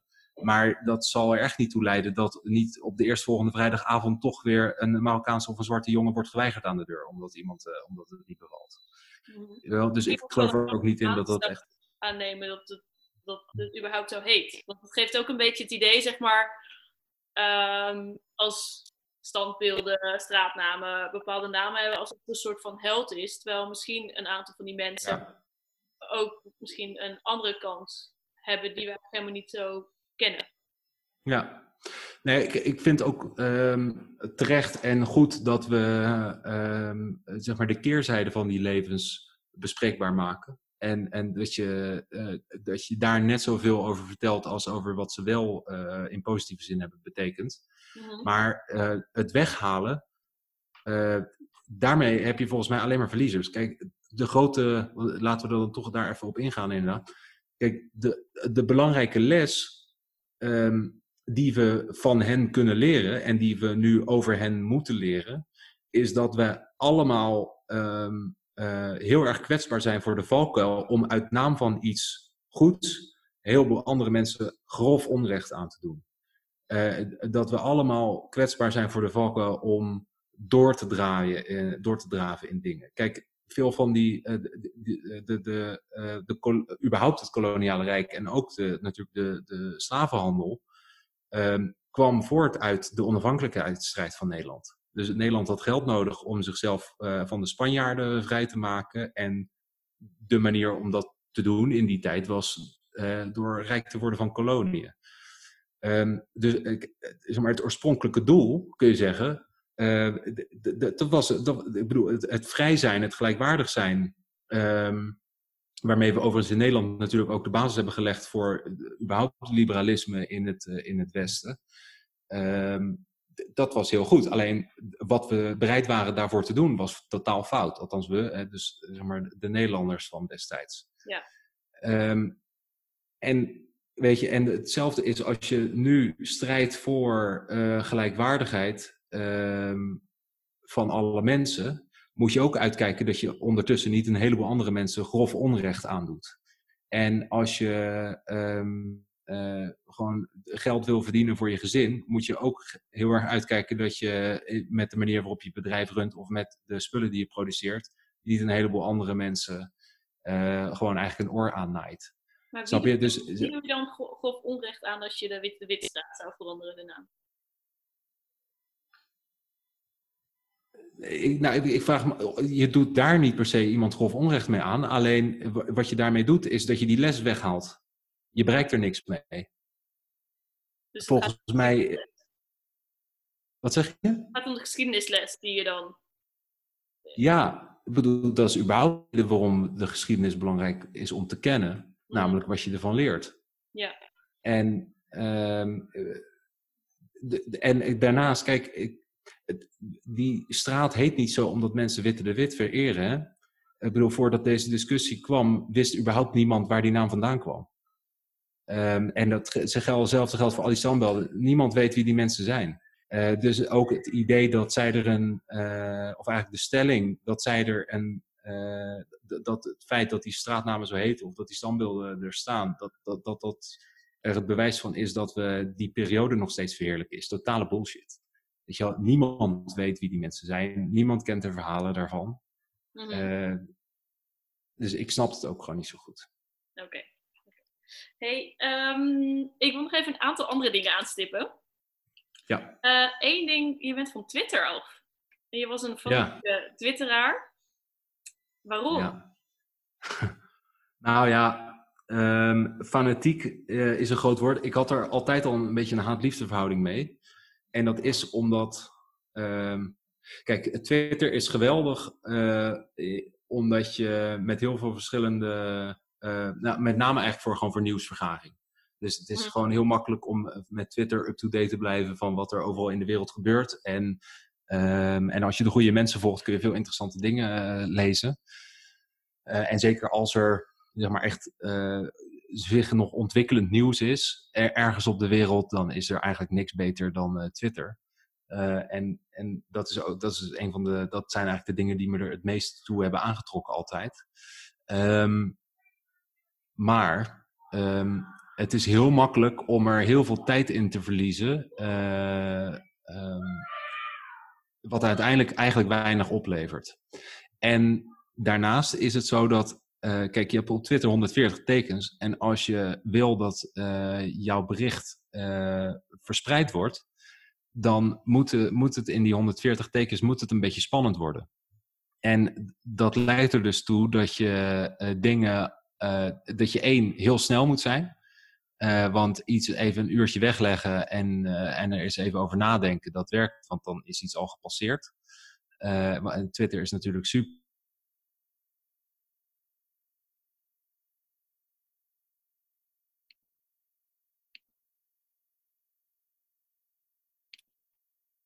Tim, hallo. ehm, oh, ja, oh ja, ik, Ja, ga even verder. Ja? Nee, je- Twitter is supersnel. Ja, nou kijk, Twitter is, zit natuurlijk heel kort op de actualiteit. Hè, Dus wat je nu plaatst is over een half uur weg en dat zien mensen nooit meer. Nee. Ehm, dus je moet, eh, er zit een heel sterke prikkel in om heel snel te reageren, om niet dingen nog eens eventjes weg te leggen en er nog eens beter over na te denken, maar heel snel te zijn en ook om dingen heel scherp te formuleren. Eh, want het moet in die 140 tekens moet het een beetje spannend worden. Mhm. En, en ehm, ja, ik, ik, ik, ik kon gewoon de, de, zeg maar de, de impuls om dat dan ook eh, te doen, zo scherp mogelijk en zo snel mogelijk, kon ik vaak moeilijk onderdrukken. En dat leidde er dus toe dat ik dan eh, eigenlijk dingen eh, vaak wat scherper zei dan ik ze eigenlijk vind. Eh, en ehm, ja, en, en, het gebeurde mij te vaak dat ik eh, iets had gepost en dat ik dan vervolgens eh, dat een half uur later zat te verdedigen, omdat dan natuurlijk krijg je van alle kanten reactie. En dat ik eigenlijk dat zat te verdedigen en inmiddels zelf ook dacht van ja, maar eigenlijk had ik het ook helemaal niet zo moeten zeggen. Weet je, en, en dat gebeurt op een gegeven moment dan te vaak. Eh, en ook overigens in die nasleep van Black Lives Matter had ik weer zo'n moment. Eh, dat ik het eigenlijk gewoon wat dat ik het eigenlijk gewoon even niet had moeten twitteren of gewoon eventjes iets beter over had moeten nadenken. En toen dacht ik van ja, weet je, als ik eh, wel eens terugkeek dan zo op mijn eigen timeline en al mijn berichten las, eh, dan kreeg ik ook gewoon steeds vaker het gevoel, ja, maar dit is helemaal niet wat ik wil bijdragen aan de publieke discussie. Weet je wel, ik wil niet het nog sneller en nog scherper en nog harder maken. Ik wil, eh, wa- waar ik heel erg in geloof, en dat, hè, dat is ook eigenlijk wat we nu natuurlijk het afgelopen eh, eh, anderhalf uur hebben besproken, is dat je juist meer de tijd moet nemen om na te denken als politicus, in plaats van minder. En dat je juist minder stellig moet durven zijn in plaats van meer. Weet je? En dat je minder verschillen zou moeten willen uitvergroten in plaats van meer. En op Twitter was ik eigenlijk alleen maar tegenovergesteld aan het doen. zonder dat ik het door had. Maar de reden dat politici dat volgens mij nu doen, en ik zeg niet, ik ben het, eigenlijk, ik ben het helemaal met je eens. De reden dat ze het doen is om, als je scherper bent, als je snel bent, als je meer eh, de kloof weet eh, vergroten tussen jou en je tegenstander, dan, dan Ja. weet je het nieuws. Zo, Ja, en, eh, en als jij zeg maar heel genuanceerd verhaal houdt, dan lijkt dat wel alsof dat, dat niet interessant is. ja, ja, dat klopt.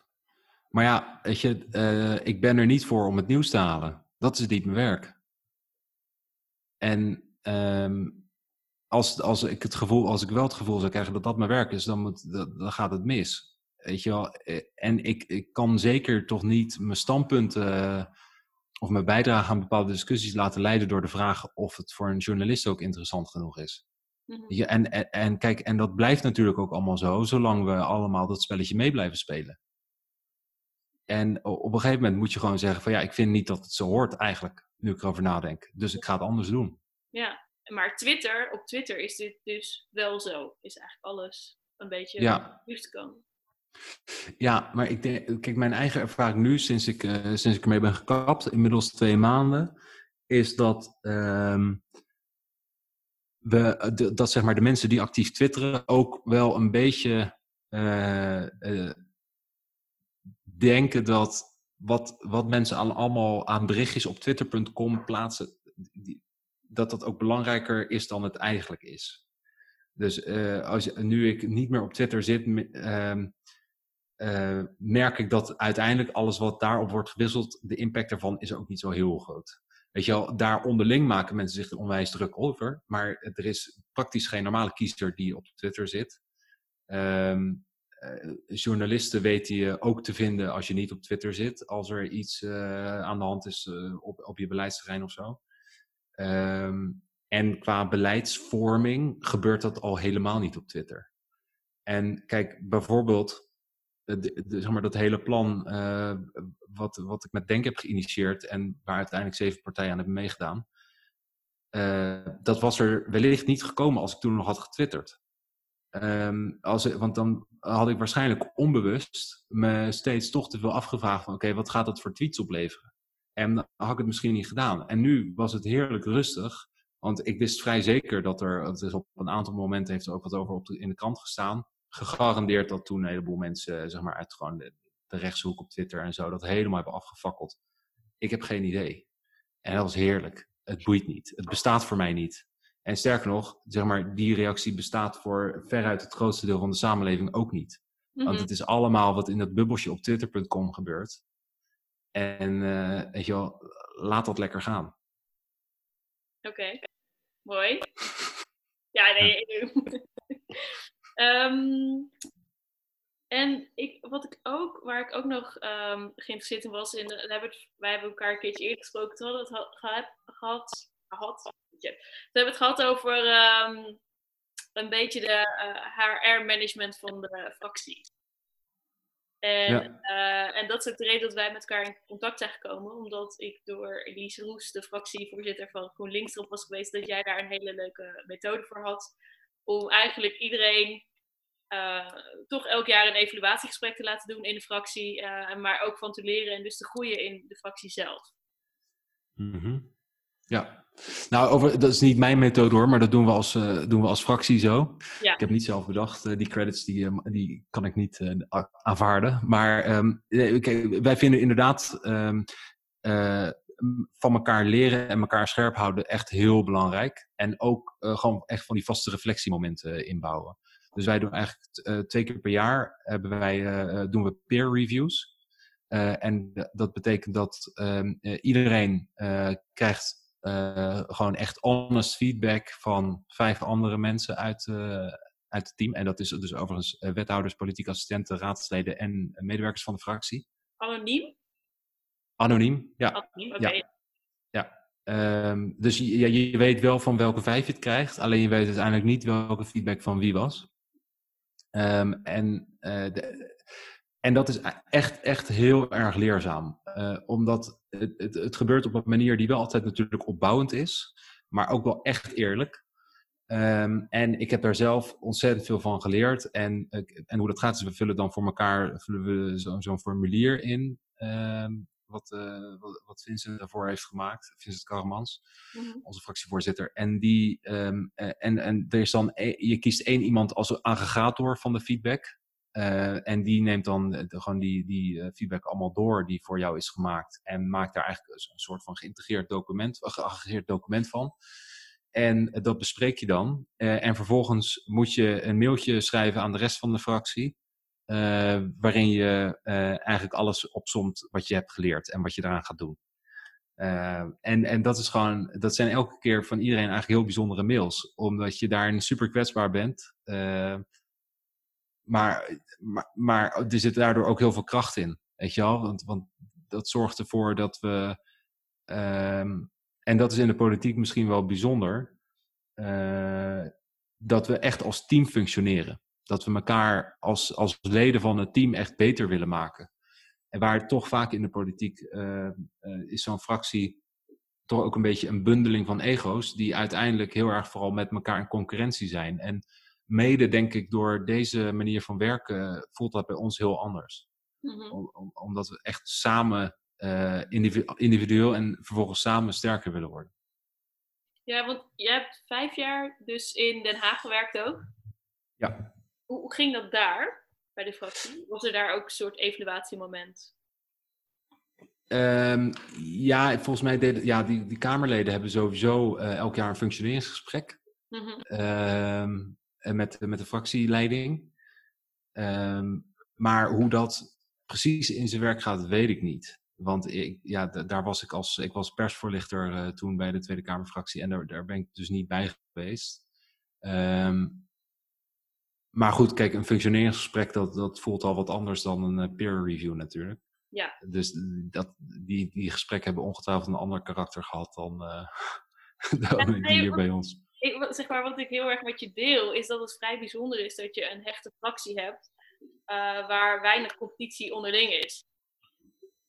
Ja, En je zegt dat het bijzonder is, dus daarmee geef je Ja. ook aan dat je ervaring is, en niet alleen bij de VVD hoor, maar ook bij de ja, PvdA en de SP en de D60, ja, eh, dat, er Ja. dus, dat, het, dat er onderling wel concurrentie is en dat jij dat ook ziet bij andere partijen. Ja. Nou ja, dat, is natuurlijk ook zo. Eh, En zonder dat ik nou hier in het openbaar eh, namen wil noemen. Maar kijk, zeker ook in de Rotterdamse Raad is het zo dat ik, in een aantal fracties is er veel meer, eh, is- zijn die onderlinge verhoudingen gewoon echt anders.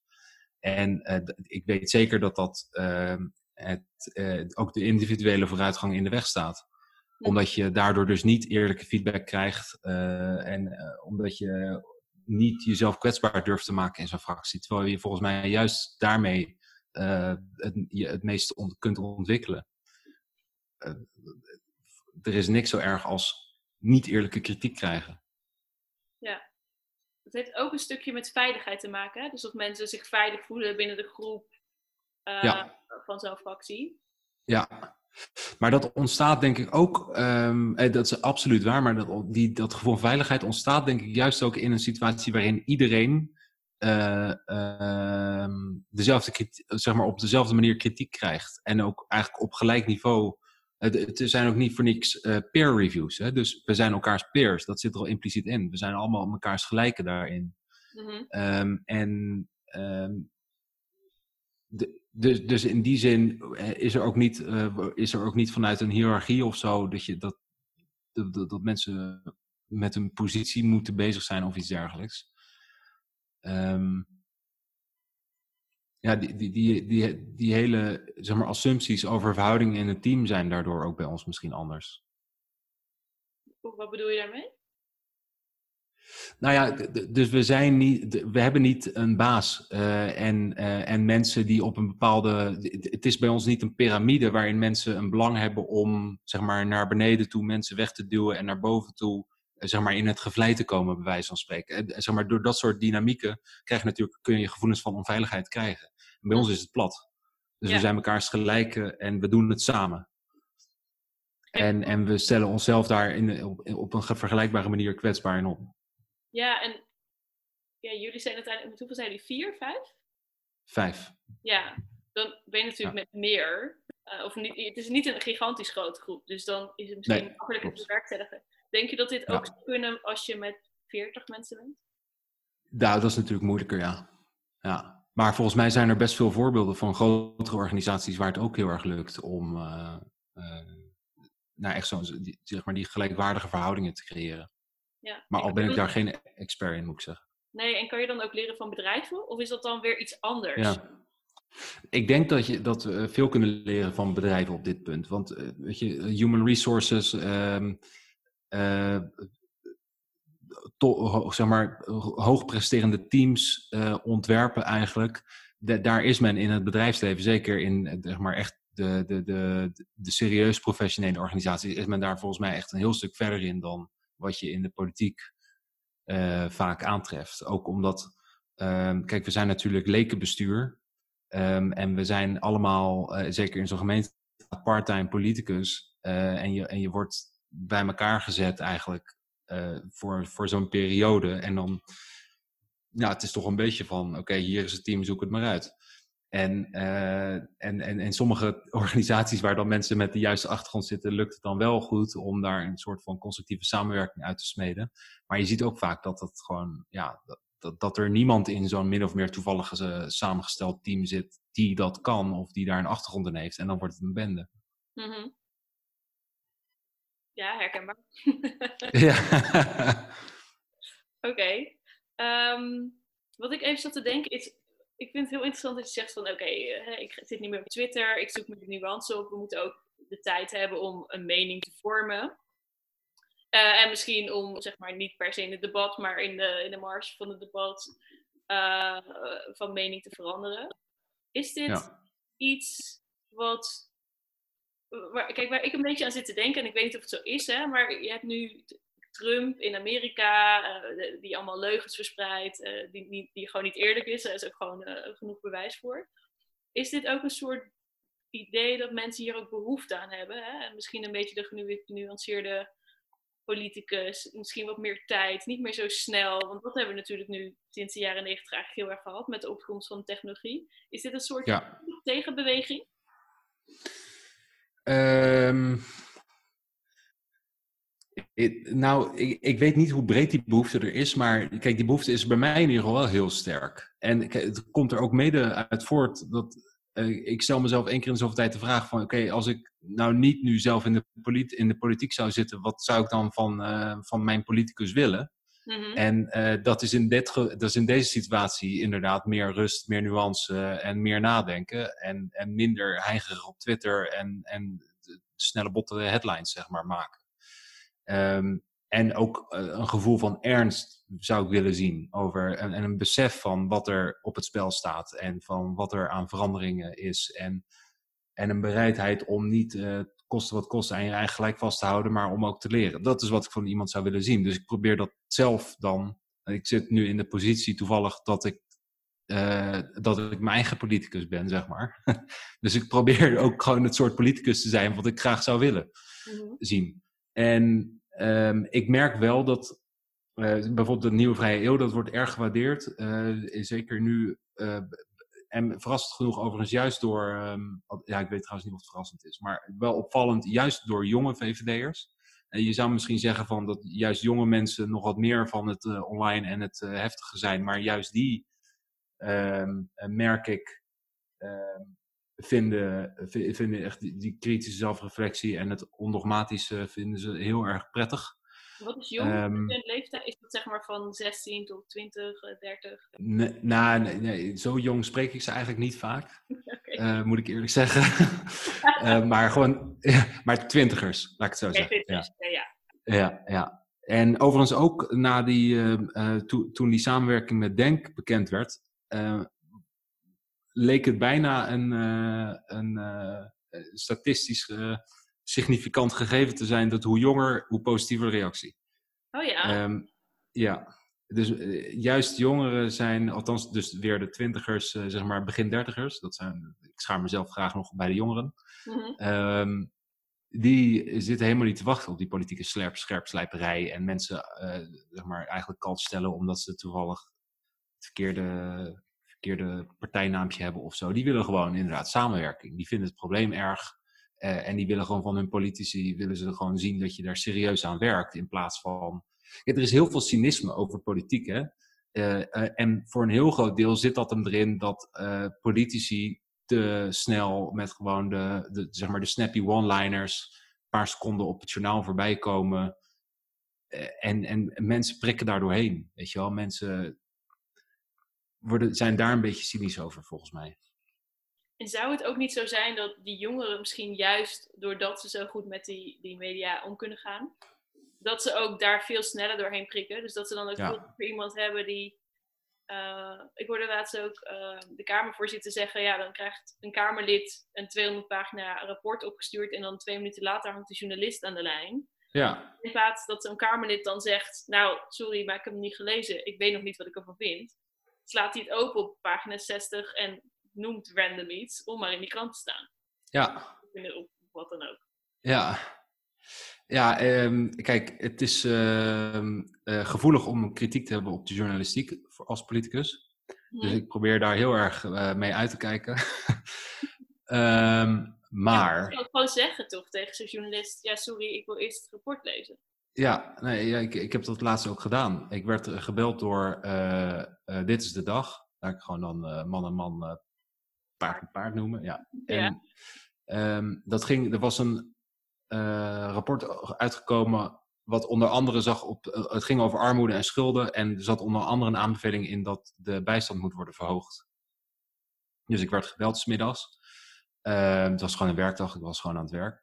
En dat rapport was 's ochtends uitgekomen en ik werd dus in de, het was een uur of twee of zo, werd ik gebeld. En ze vroeg van, joh, eh, we gaan het vanavond over dit rapport hebben. Wil jij eh, dan zeggen dat, we, eh, dat je tegen het verhogen van de bijstand bent? Dus ik zeg van, joh, maar ik, welk rapport is dat dan? En kun je het me sturen? Want ik heb het nog niet gelezen. Ze zegt van, oh, je hebt het nog niet gelezen? Nee. Oké, maar, maar je bent toch wel tegen het verhogen van de bijstand? Ik zeg van, nou ja, dat weet ik niet. Ik wil eerst dan wel eens het rapport lezen. Ja, Ja. en, en toen ehm, werd het heel ongemakkelijk aan de andere kant van de lijn. En toen zei hij van, nou ja, eh, oké, ik ga nog even rondbellen. Oh, Niks meer van gehoord. dus je bent er niet ingekomen. Nee, Zat er een En- andere VVD'er in uiteindelijk? ik heb het uiteindelijk niet geluisterd. eh, want, nou ja, weet je wel, dat, eh, ze zoeken het maar uit. Maar ehm, ik vond het heel eh, ja, bizar eigenlijk. eh, dat, kijk, wa- wat zij dus willen is, zij maken gewoon een programma en ze willen gewoon een voor- en een tegenstander over een makkelijk punt uit zo'n, uit zo'n plan. En dan is het weer besproken en dan eh, vindt iedereen weer keurig wat hij al vond. En eh, glasplas en eh, alles bleef zoals het was. Ja. En, en dat is natuurlijk echt eigenlijk wel heel, heel raar. En dat, dat wat jij net zegt over die, dat rapport van 200 pagina's, dat, dat het iets min of meer vergelijkbaars is gebeurd met dat eh eh, Borstlab-rapport over de arbeidsmarkt eh, aan het begin van het jaar. Dat kwam toen ook uit ehm, in een, ook gewoon een stuk van 200 pagina's of misschien nog wel meer. En ehm, ik bedoel, binnen 10 minuten, de Kamerleden die worden dan gebeld. dat rapport wordt opengeslagen. Ze bladeren totdat je iets ziet eh, wat lijkt op iets waar je al wat van vond. En, nou, en dan heb je alweer je standpunt over het rapport klaar. Ja. En dat is natuurlijk dat is waanzin.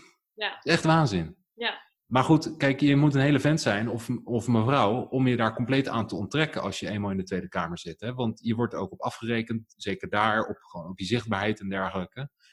En ik vind dus, eh, het moet inderdaad ook wel een beetje van beide kanten komen in die, eh, in die verhouding. En ik weet niet, wie zei dat nou laatst zo mooi?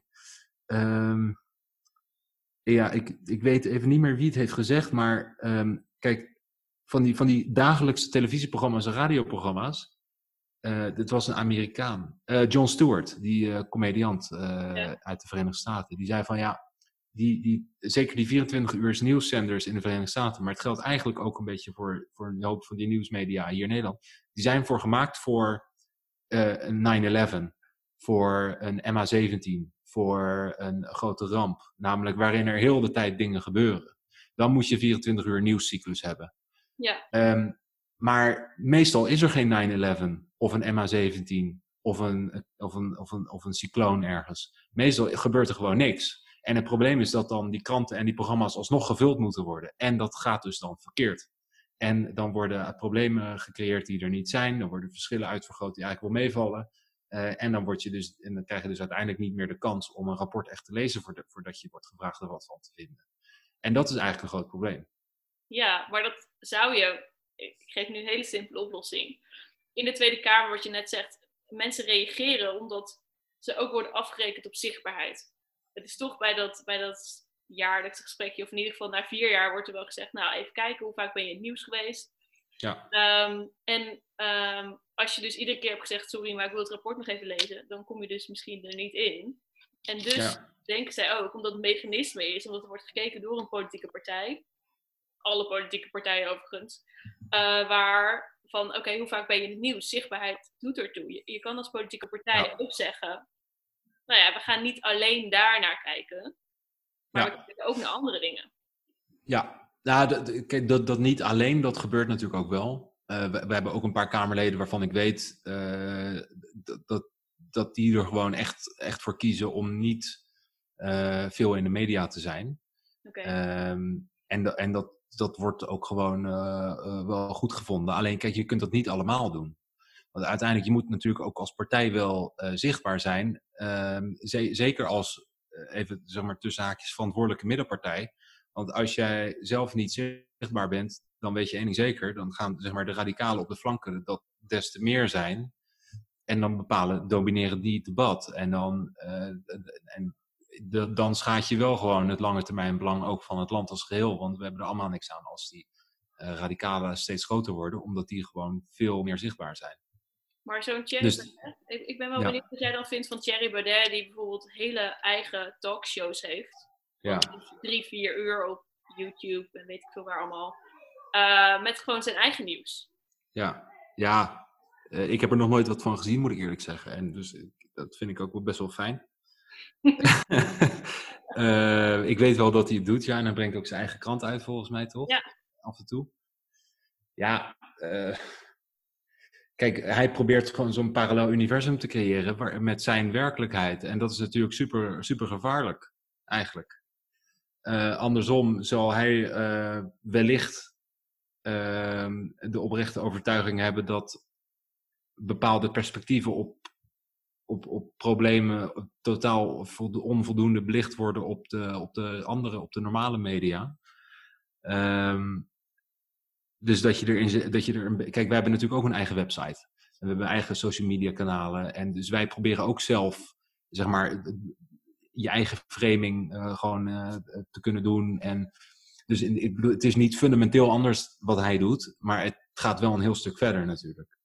Dus ik wil, ik wil, ik wil het niet zeg maar, te hard neersabelen, want hij, hij zou terecht kunnen zeggen van ja, maar ja, wat is nou het verschil met een eigen website? Weet je, jij probeert ook om journalisten heen direct met mensen te communiceren. Alleen hij gaat veel verder in. Kijk, en natuurlijk waarschijnlijk de inhoud van wat hij daar communiceert, uh, is, is nog wat scrupuleuzer dan uh, hoe wij dat doen.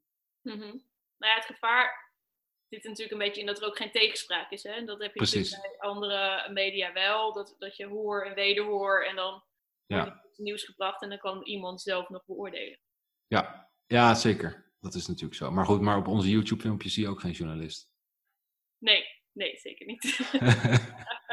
en kijk, en zolang hij zich ook nog gewoon laat interviewen in de, in de, in de normale krant en op de normale televisie, uh, dan, uh, ja, weet je, dan vind, moet hij verder een beetje zelf uitzoeken.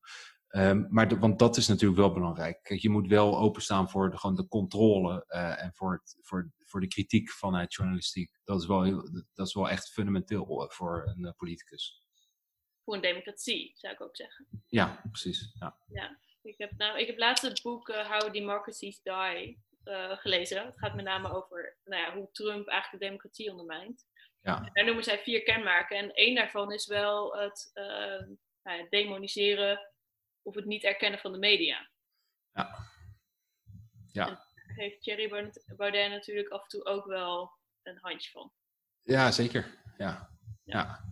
Maar goed, kijk, um, um, het, is, het is genuanceerd. Weet je, kijk, je kunt niet, uh, zo ook zoals Trump doet, uh, de journalistiek, omdat ze kritisch op je zijn, afdoen als fake news en, en gewoon eigenlijk het instituut van, uh, van de journalistiek ondermijnen. Want uiteindelijk hebben we het echt nodig.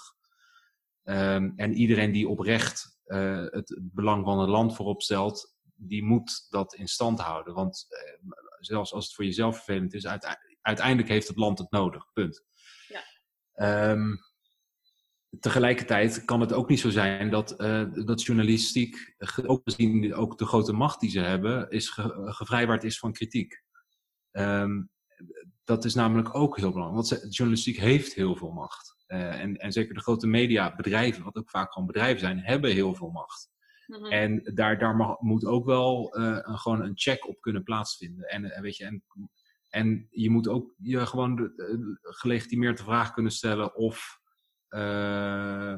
of journalistiek alle perspectieven, alle relevante perspectieven voldoende ook aan bod laat komen. En dat gebeurt natuurlijk ook wel als het gaat om diversiteit. En dat is bijvoorbeeld natuurlijk na, uh, na Pim Fortuyn gebeurd met eigenlijk de, de, de, ontevreden burger. Um, en je kunt nooit uitsluiten dat, je, dat, er, nog, dat er nu ook nog zo'n lacune ergens in zit, waar we die nog niet hebben herkend. En daar kom je alleen maar achter door er ook wel gewoon kritisch over te kunnen uh, en durven spreken. Oké. Okay. Ik wil nog even naar het laatste onderwerp. Ja. Dat is eigenlijk um, ik was benieuwd naar, ik noem het een droom, misschien noem jij het een utopie, van um, waarom je in de politiek zit. Wat, wat, wat is je droom, wat wil je bereiken en in hoeverre kan je dat zelf bereiken of heb je dat al bereikt in de politiek? Uh, ja. Um, ik, ik, ja, ik zeg ja omdat ik niet zo goed weet waar ik moet beginnen. ja, het is, maar dit, kijk, het is een hele mooie vraag. En, maar het lastige van dit soort vragen is dat, uh, uh, dat je, je moet altijd e-, even de afweging maken van zeg maar, op welk abstractieniveau steek je hem in en ga je, ga je hem zeg maar, opbouwen. Maar kijk, uiteindelijk, ik geloof niet in God. Um, ik ben licht spiritueel aangelegd maar niet ontwikkeld. Ehm, dus uiteindelijk mijn beeld over eh, het doel en de zin van het leven is redelijk ongecompliceerd. Namelijk, we bestaan gewoon. Dat is uh, een biologische toevalligheid. Ehm, en we hebben toevallig allemaal emoties en gevoelens en zelfbewustzijn. Ehm, en daarom willen we er gewoon voor de periode dat we hier zijn, dat we leven, willen we er een beetje het beste van maken. Mm wil, wil, je gewoon, die periode wil je gewoon een beetje aangenaam doorbrengen. Want, nou ja, je bent er nou eenmaal en, enzovoorts. Um, en volgens mij het hoogste haalbare wat we als mensheid gewoon kunnen bereiken, is dat uh, ieder mens uh, dat voor elkaar kan krijgen. Dat ieder mens gewoon die, zeg maar, die, die, die gemiddeld 60 jaar dat je hier bent, gewoon aangenaam kan doorbrengen. En dat je een leven kunt leiden dat, dat je aan het eind van, de, van, van je leven, als je op zo'n schommelstoel uh, zit uh, en je bent aan het terugblikken, dat je denkt van ja, dit was goed. ik geen idee wat het, wat het punt hiervan was, maar het was goed. En um, dat wil je voor zoveel mogelijk mensen. En de werkelijkheid is dat we, dat nog, uh, dat we daar nog heel ver vanaf zitten. En de werkelijkheid is ook concreet nu dat we er in een aantal opzichten wat verder vandaan lijken te raken. En ook gewoon in zo'n ver ontwikkeld land als Nederland. En dat maakt me grote zorgen. En daar wil ik gewoon concreet wat, wat aan doen. Uh, door bij te dragen aan die ideeënontwikkeling daarover. Um, en ik, ik, maak me grote zorgen over hoe we uh, in disbalans leven met de natuur. Um, dat is volgens mij een, uh, het grote probleem waar onze generatie een, een, een, een, radicale koerswending eigenlijk in zal, een doorbraak in zal moeten voor elkaar krijgen. Herman Wijfels die heeft dat een keer tegen mij gezegd toen ik met een kamerlid mee was bij Buitenhof. En we zaten allebei in de wachtruimte daar. En hij zei van, Tim, jouw generatie is geboren om te doen wat daaraan gedaan moet worden. Dat zijn woorden van, eh, dat was in 2014 of 15. En dat, dat zal ik nooit vergeten. Onze generatie, dat geldt ook voor jou, mm-hmm. is geboren om te doen wat daarvoor gedaan moet worden. Dus dat is één. Twee is, uh, die economische ongelijkheid, die, die begint me steeds meer zorgen te maken. En derde is, uh, ja, maar die, die vraag van hoe komt het dat we in onze samenleving zoveel klootzakken produceren en misschien is het niet meer dan ergens anders hoor, maar het, het is nog steeds te veel, vind ik.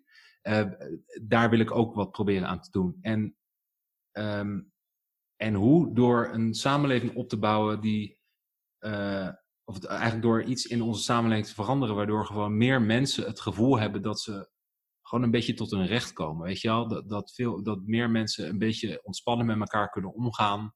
Dat meer mensen uh, vertrouwen in elkaar hebben, uh, dat, dat, dat meer mensen zich ook uh, verbonden met elkaar voelen. En dat, dat is allemaal super uh, abstract en tegelijkertijd ook heel erg concreet. En, en hoe ik dat probeer te doen nu in mijn politieke werk is. Nou, ik heb vorig jaar een aantal voorstellen gedaan om de, onze gedeelde identiteit hier in Rotterdam te versterken, of dan zichtbaarder te maken. Met onder andere de vlag en met ehm, met andere symbolen eh, van die gedeelde identiteit terugbrengen in het straatbeeld. Nu met die samenwerking met Denk, omdat ik denk dat discriminatie dus een groot probleem is in onze samenleving nu, dat dat, dat prettiger samenleven ernstig in de weg staat. Uh, en we doen dat, uh, en ik ben daarom ook heel, uh, voor die andere doelen heel blij dat we met Rotterdam nu echt serieus werk maken van energietransitie en strijd en, en eigenlijk de verduurzaming. En ik probeer dat dus te doen met de nieuwe vrije eeuw door gewoon breder in zeg maar, liberaal Nederland eigenlijk te, te, stimuleren dat mensen zich die vragen ook stellen. En, nou ja, en ik hoop dan dat het uiteindelijk allemaal bijdraagt aan, aan dat grote doel. Ja.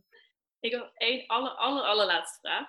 Ja. Denk je dat er een relatie is tussen dat jij je veilig voelt binnen je fractie en dat alles gezegd kan worden en dat jij dus ook weet hoe mensen zich kunnen voelen, zeg maar, ik heb het idee dat jij wel een beetje leeft waar, wat, je zelf ook, waar je, wat je zelf iedereen gunt. Dat daar een relatie tussen is, dat je dat weet hoe dat is. En dat je dat nu ook probeert te bereiken voor een ander. Uh, in, zeg maar, iemand, stel iemand, een, een Tim die zeg maar in een fractie zou zitten die niet, uh, waar concurrentie is, waar, uh, waar je niet veilig bent en waar misschien ook meer ego's zijn, waar je meer, meer gaat voor je eigen belang. Goeie vraag zeg. Ja, kijk, je, je moet eh, een bepaalde mate van veiligheid en comfort hebben, überhaupt, om, eh, om jezelf spannende vragen te stellen. Ja. Ehm, en je moet ook in een positieve omgeving zitten om positieve gedachten te kunnen ontwikkelen, denk ik. Dus dat helpt ongetwijfeld eh, zeer, ja. Maar, het, maar ik moet je eerlijk zeggen dat ik hier ook nog eens wat verder over wil nadenken. Doe dat. Want het is ook, wel- het is ook een- het is een heel goede, maar ook een moeilijke vraag. Dankjewel. Ik eh, vond het een heel mooi gesprek. Dankjewel. Ook heel graag gedaan en ik vond het erg leuk. Exhale the bullshit. Dankjewel voor het luisteren naar de podcast van Politiek Adem. Wanneer dit je geïnspireerd heeft, dan kun je mij helpen om ook anderen te inspireren. Om te laten zien dat de politiek zoveel meer is. Laat een review achter op iTunes. Hoe meer reviews de Politiek Adem podcast heeft, hoe beter de podcast door anderen gevonden wordt. En wat ik heel leuk zou vinden, is als je een screenshot zou maken wanneer je de podcast aan het luisteren bent en deze post op sociale media tag mij. Zo inspireer je anderen. En ik vind het heel erg leuk om te weten wie er luistert. Ik ben onwijs dankbaar dat je deze aflevering hebt geluisterd.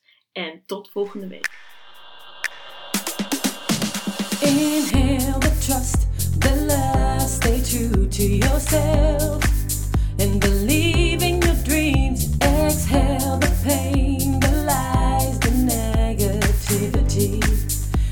tell